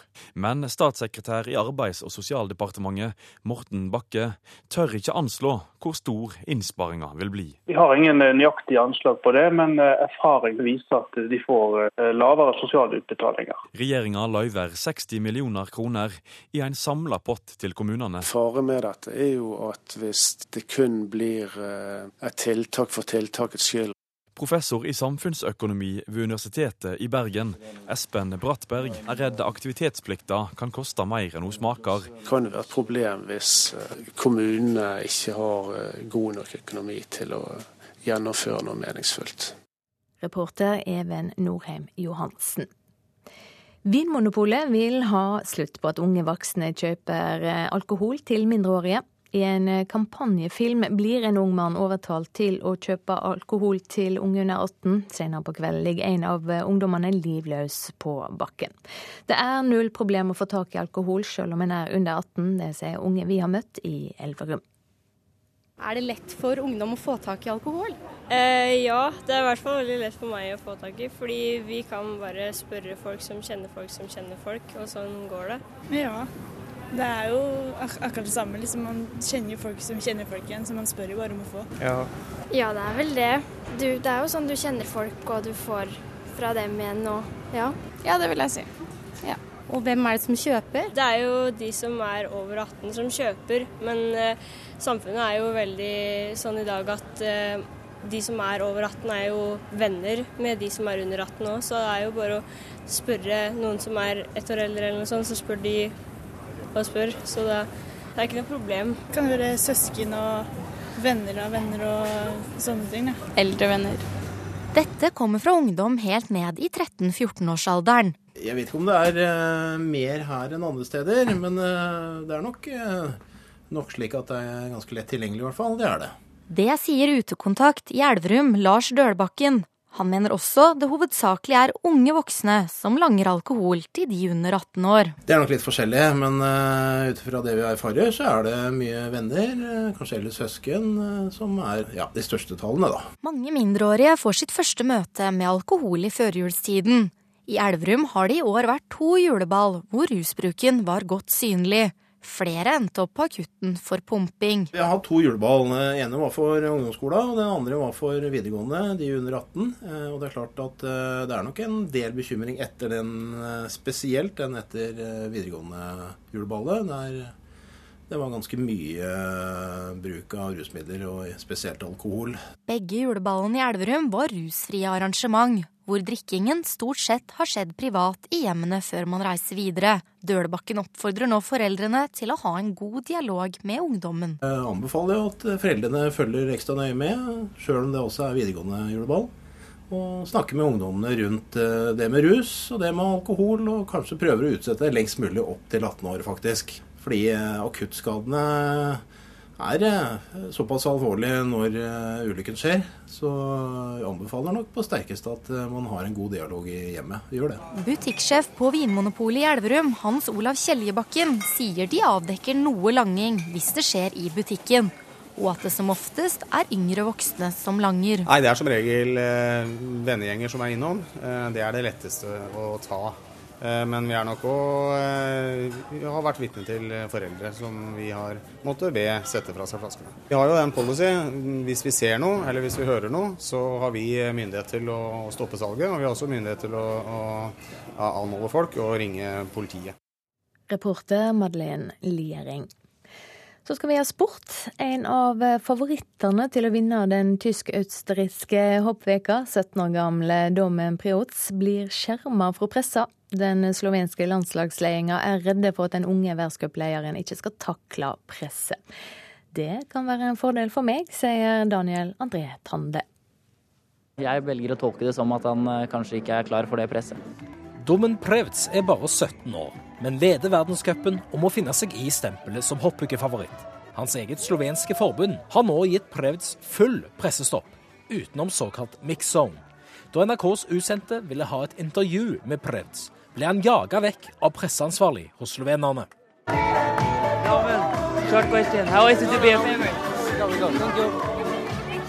Landslagstrener for Norge, Alexander Støkkel, er usikker på hvordan trekket vil slå ut. Det kan hende at det legger ekstra press på han, hvis han ikke dukker opp på pressekonferansen fordi folk rundt han mener at han er toppfavoritt. Ja, Det blir spennende å se. Han er veldig ung, han er 17 år. Ehm, det er eh, ganske tidlig i karrieren for å, for å gå inn som uh, en av de toppfavorittene i hoppika. Det slovenske forbundet sier til NRK at de skjermer Previts fordi han er såpass ung og vil gi han ro. Det er fordel meg, sier Norges kanskje største hoppukehåp, Daniel André Tande. Det viser jo kanskje at jeg har en fordel på den fronten, da kanskje. Så da bruker jeg det til min fordel. Nei, han er jo han er 17 år gammel, så det, det er jo selvfølgelig. Det jo, kan jo bli mye, mye forskjellige og store inntrykk for han eh, som en liten kar. Det, det, kan jo være med å vippe han opp i pinnen, så det er jo smart av systemet rundt han å prøve å skjerme han for, å, for at han skal kunne hoppe best mulig på ski. En annen hoppukefavoritt, Stefan Kraft, er ikke overraska over den slovenske finta. De gjorde dette òg med broren Peter da han var favoritt. Peter sa alltid at det var viktig å oppleve hoppuka, med alt den fører med seg. Det liker jeg òg, inkludert pressekonferansene. Kanskje er slovenerne nervøse, ikke vet jeg. Landslagstrener Støkkel mener han aldri hadde sjarma en favoritt, sånn som slovenerne gjør. Altså, vi gjør det vi alltid gjør. Vi kjører helt vanlig program. Vi kjører helt vanlige, vanlige rutiner. Fordi jeg føler at eh, det er eh, utøverne mest vant med. Og vi prøver å unngå å lage noe spesielt. Reporter Erik Sergio Auklend. Det er eh, mange av oss som snakker i søvne, men ikke så mange gjør opptak av monologene. En som har gjort det, er 25 år gamle Nikolai Engeli Godø fra Ålesund. Han har delt opptakene på Facebook og fått enorm respons. Det er ikke vanlig å ha to katter, er det det? Er ikke det vanlig å ha to katter, da? Jeg hadde egentlig jeg har egentlig glemt litt at det var spesielt at jeg snakka så mye. Vi brukte nå to-tre katter store gutter eller noe sånt. Slik høres det ut når 25 år gamle Nikolai Engeli Gode fra Ålesund snakker i søvne.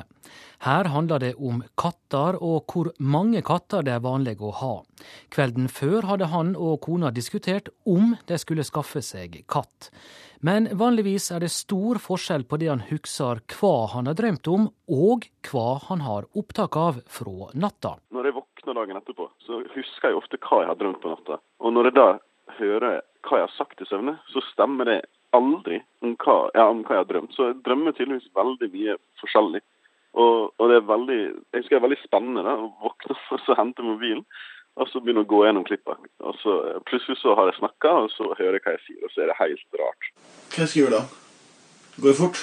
Professor i psykologi ved Universitetet i Bergen, Ståle Pallesen, sier det er vanlig å snakke i søvne. Undersøkelser viser faktisk at 66% gjør dette i hvert fall minst en gang i livet sitt. Og det er også funnet at i de siste tre månedene så er det 17% av voksne som rapporterer at de snakker i søvne. Hva er det som gjør at folk snakker i søvne? Man vet ikke helt årsaken til det.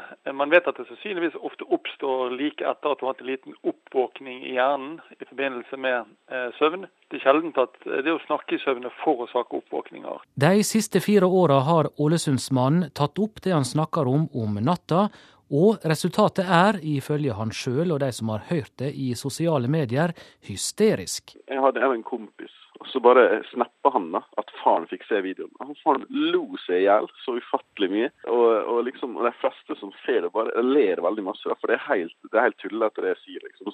OK, jeg blir med. Jeg blir med. jeg blir med. OK? Greit? Konge. Reportere her det var Håvard Ketil Sporsheim og Magnus Gamlem. Og på nrk.no kan du høre flere opptak av Nikolai som snakker i søvne. Statsmeteorolog Jon Smits på plass i studio. Vi har jo snakka mye om Svalbard i dag og rasfare. Hvordan er situasjonen på Svalbard nå? Det er fortsatt en god del vind, og det snør litt fortsatt. Og snøen blåser selvsagt, ja, men det blåser mindre nå enn det gjorde i natt. Vi var nesten oppe i full storm på flyplassen i Longyearbyen, faktisk. Nå er det nede i sånn mellom liten kuling og stiv kuling, og det holder seg på det nivået i dag. Da. Så litt bedre forhold er det, men fortsatt er snøskredfaren stor, og det vedvarer nok gjennom dagen i dag, så det er greit å, å, å vite. Og det er noen få kuldegrader på, på Spitsbergen. Uh, ja. ja, Hva med resten av landet? Det er mildt mange, mange steder? Ja, veldig mildt. Det har vært ganske mildt i natt òg. Sunndalsøra helt opp i 14,1 grader på det aller varmeste sånn uh, noen timer etter midnatt i dag. Og så er det litt kjøligst på nord på Østlandet, hvor det kaldeste er minus 13,5 på Leirflaten i Oppland da, i natt. Så ganske stort spenn. Men ellers er det Nord-Norge. Der er det bygevær. Stort sett sludd- og snøbyger i Finnmark. Og ja, sluddbyger til regn på kysten av Troms. Og så er det regnbyger i Nordland og sludd og snø i høyere strøk. Og vinden den blåser fra sør-vest, og det er periodevis liten og stiv kuling på kysten. Og av og til opp i sterk kuling på kysten nord i Troms og på Finnmarkskysten. Og Det fortsetter stort sett med det i dag, da. I Sør-Norge så er det også nedbør, i hvert fall i Møre og Romsdal Trøndelag, og også litt videre sørover på Vestlandet. Stort sett som regn her. Snø over en 900-1000 meter, så vi må ganske høyt opp for å finne snø. Uh, og mest nedbør er det nok i Møre og Romsdal og kanskje nordlig strøk av Trøndelag. da, Sånn oppholdsvær i lange perioder. Indre strøk av Sør-Trøndelag. Også her vindes fra sørvest, og rundt Stad så kan det periodevis bli både sterk kuling og liten storm. Og vinden øker også i Trøndelag på ettermiddagen til sterk kuling fra sørvest. Oppholdsvær stort sett østafjells uh, i dag. Litt lokal tåke enkelte steder, og fjell også litt snø i de vestlige og de nordlige områdene. Takk skal du ha, Jon Smits. Ansvarlig for nyhetssendingene i dag, Anne Skårseth. Produsent for Nyhetsmorgen, Vidar Eidhammer. Teknisk ansvarlig, Hilde Tosterud. Programleder, Silje Sande.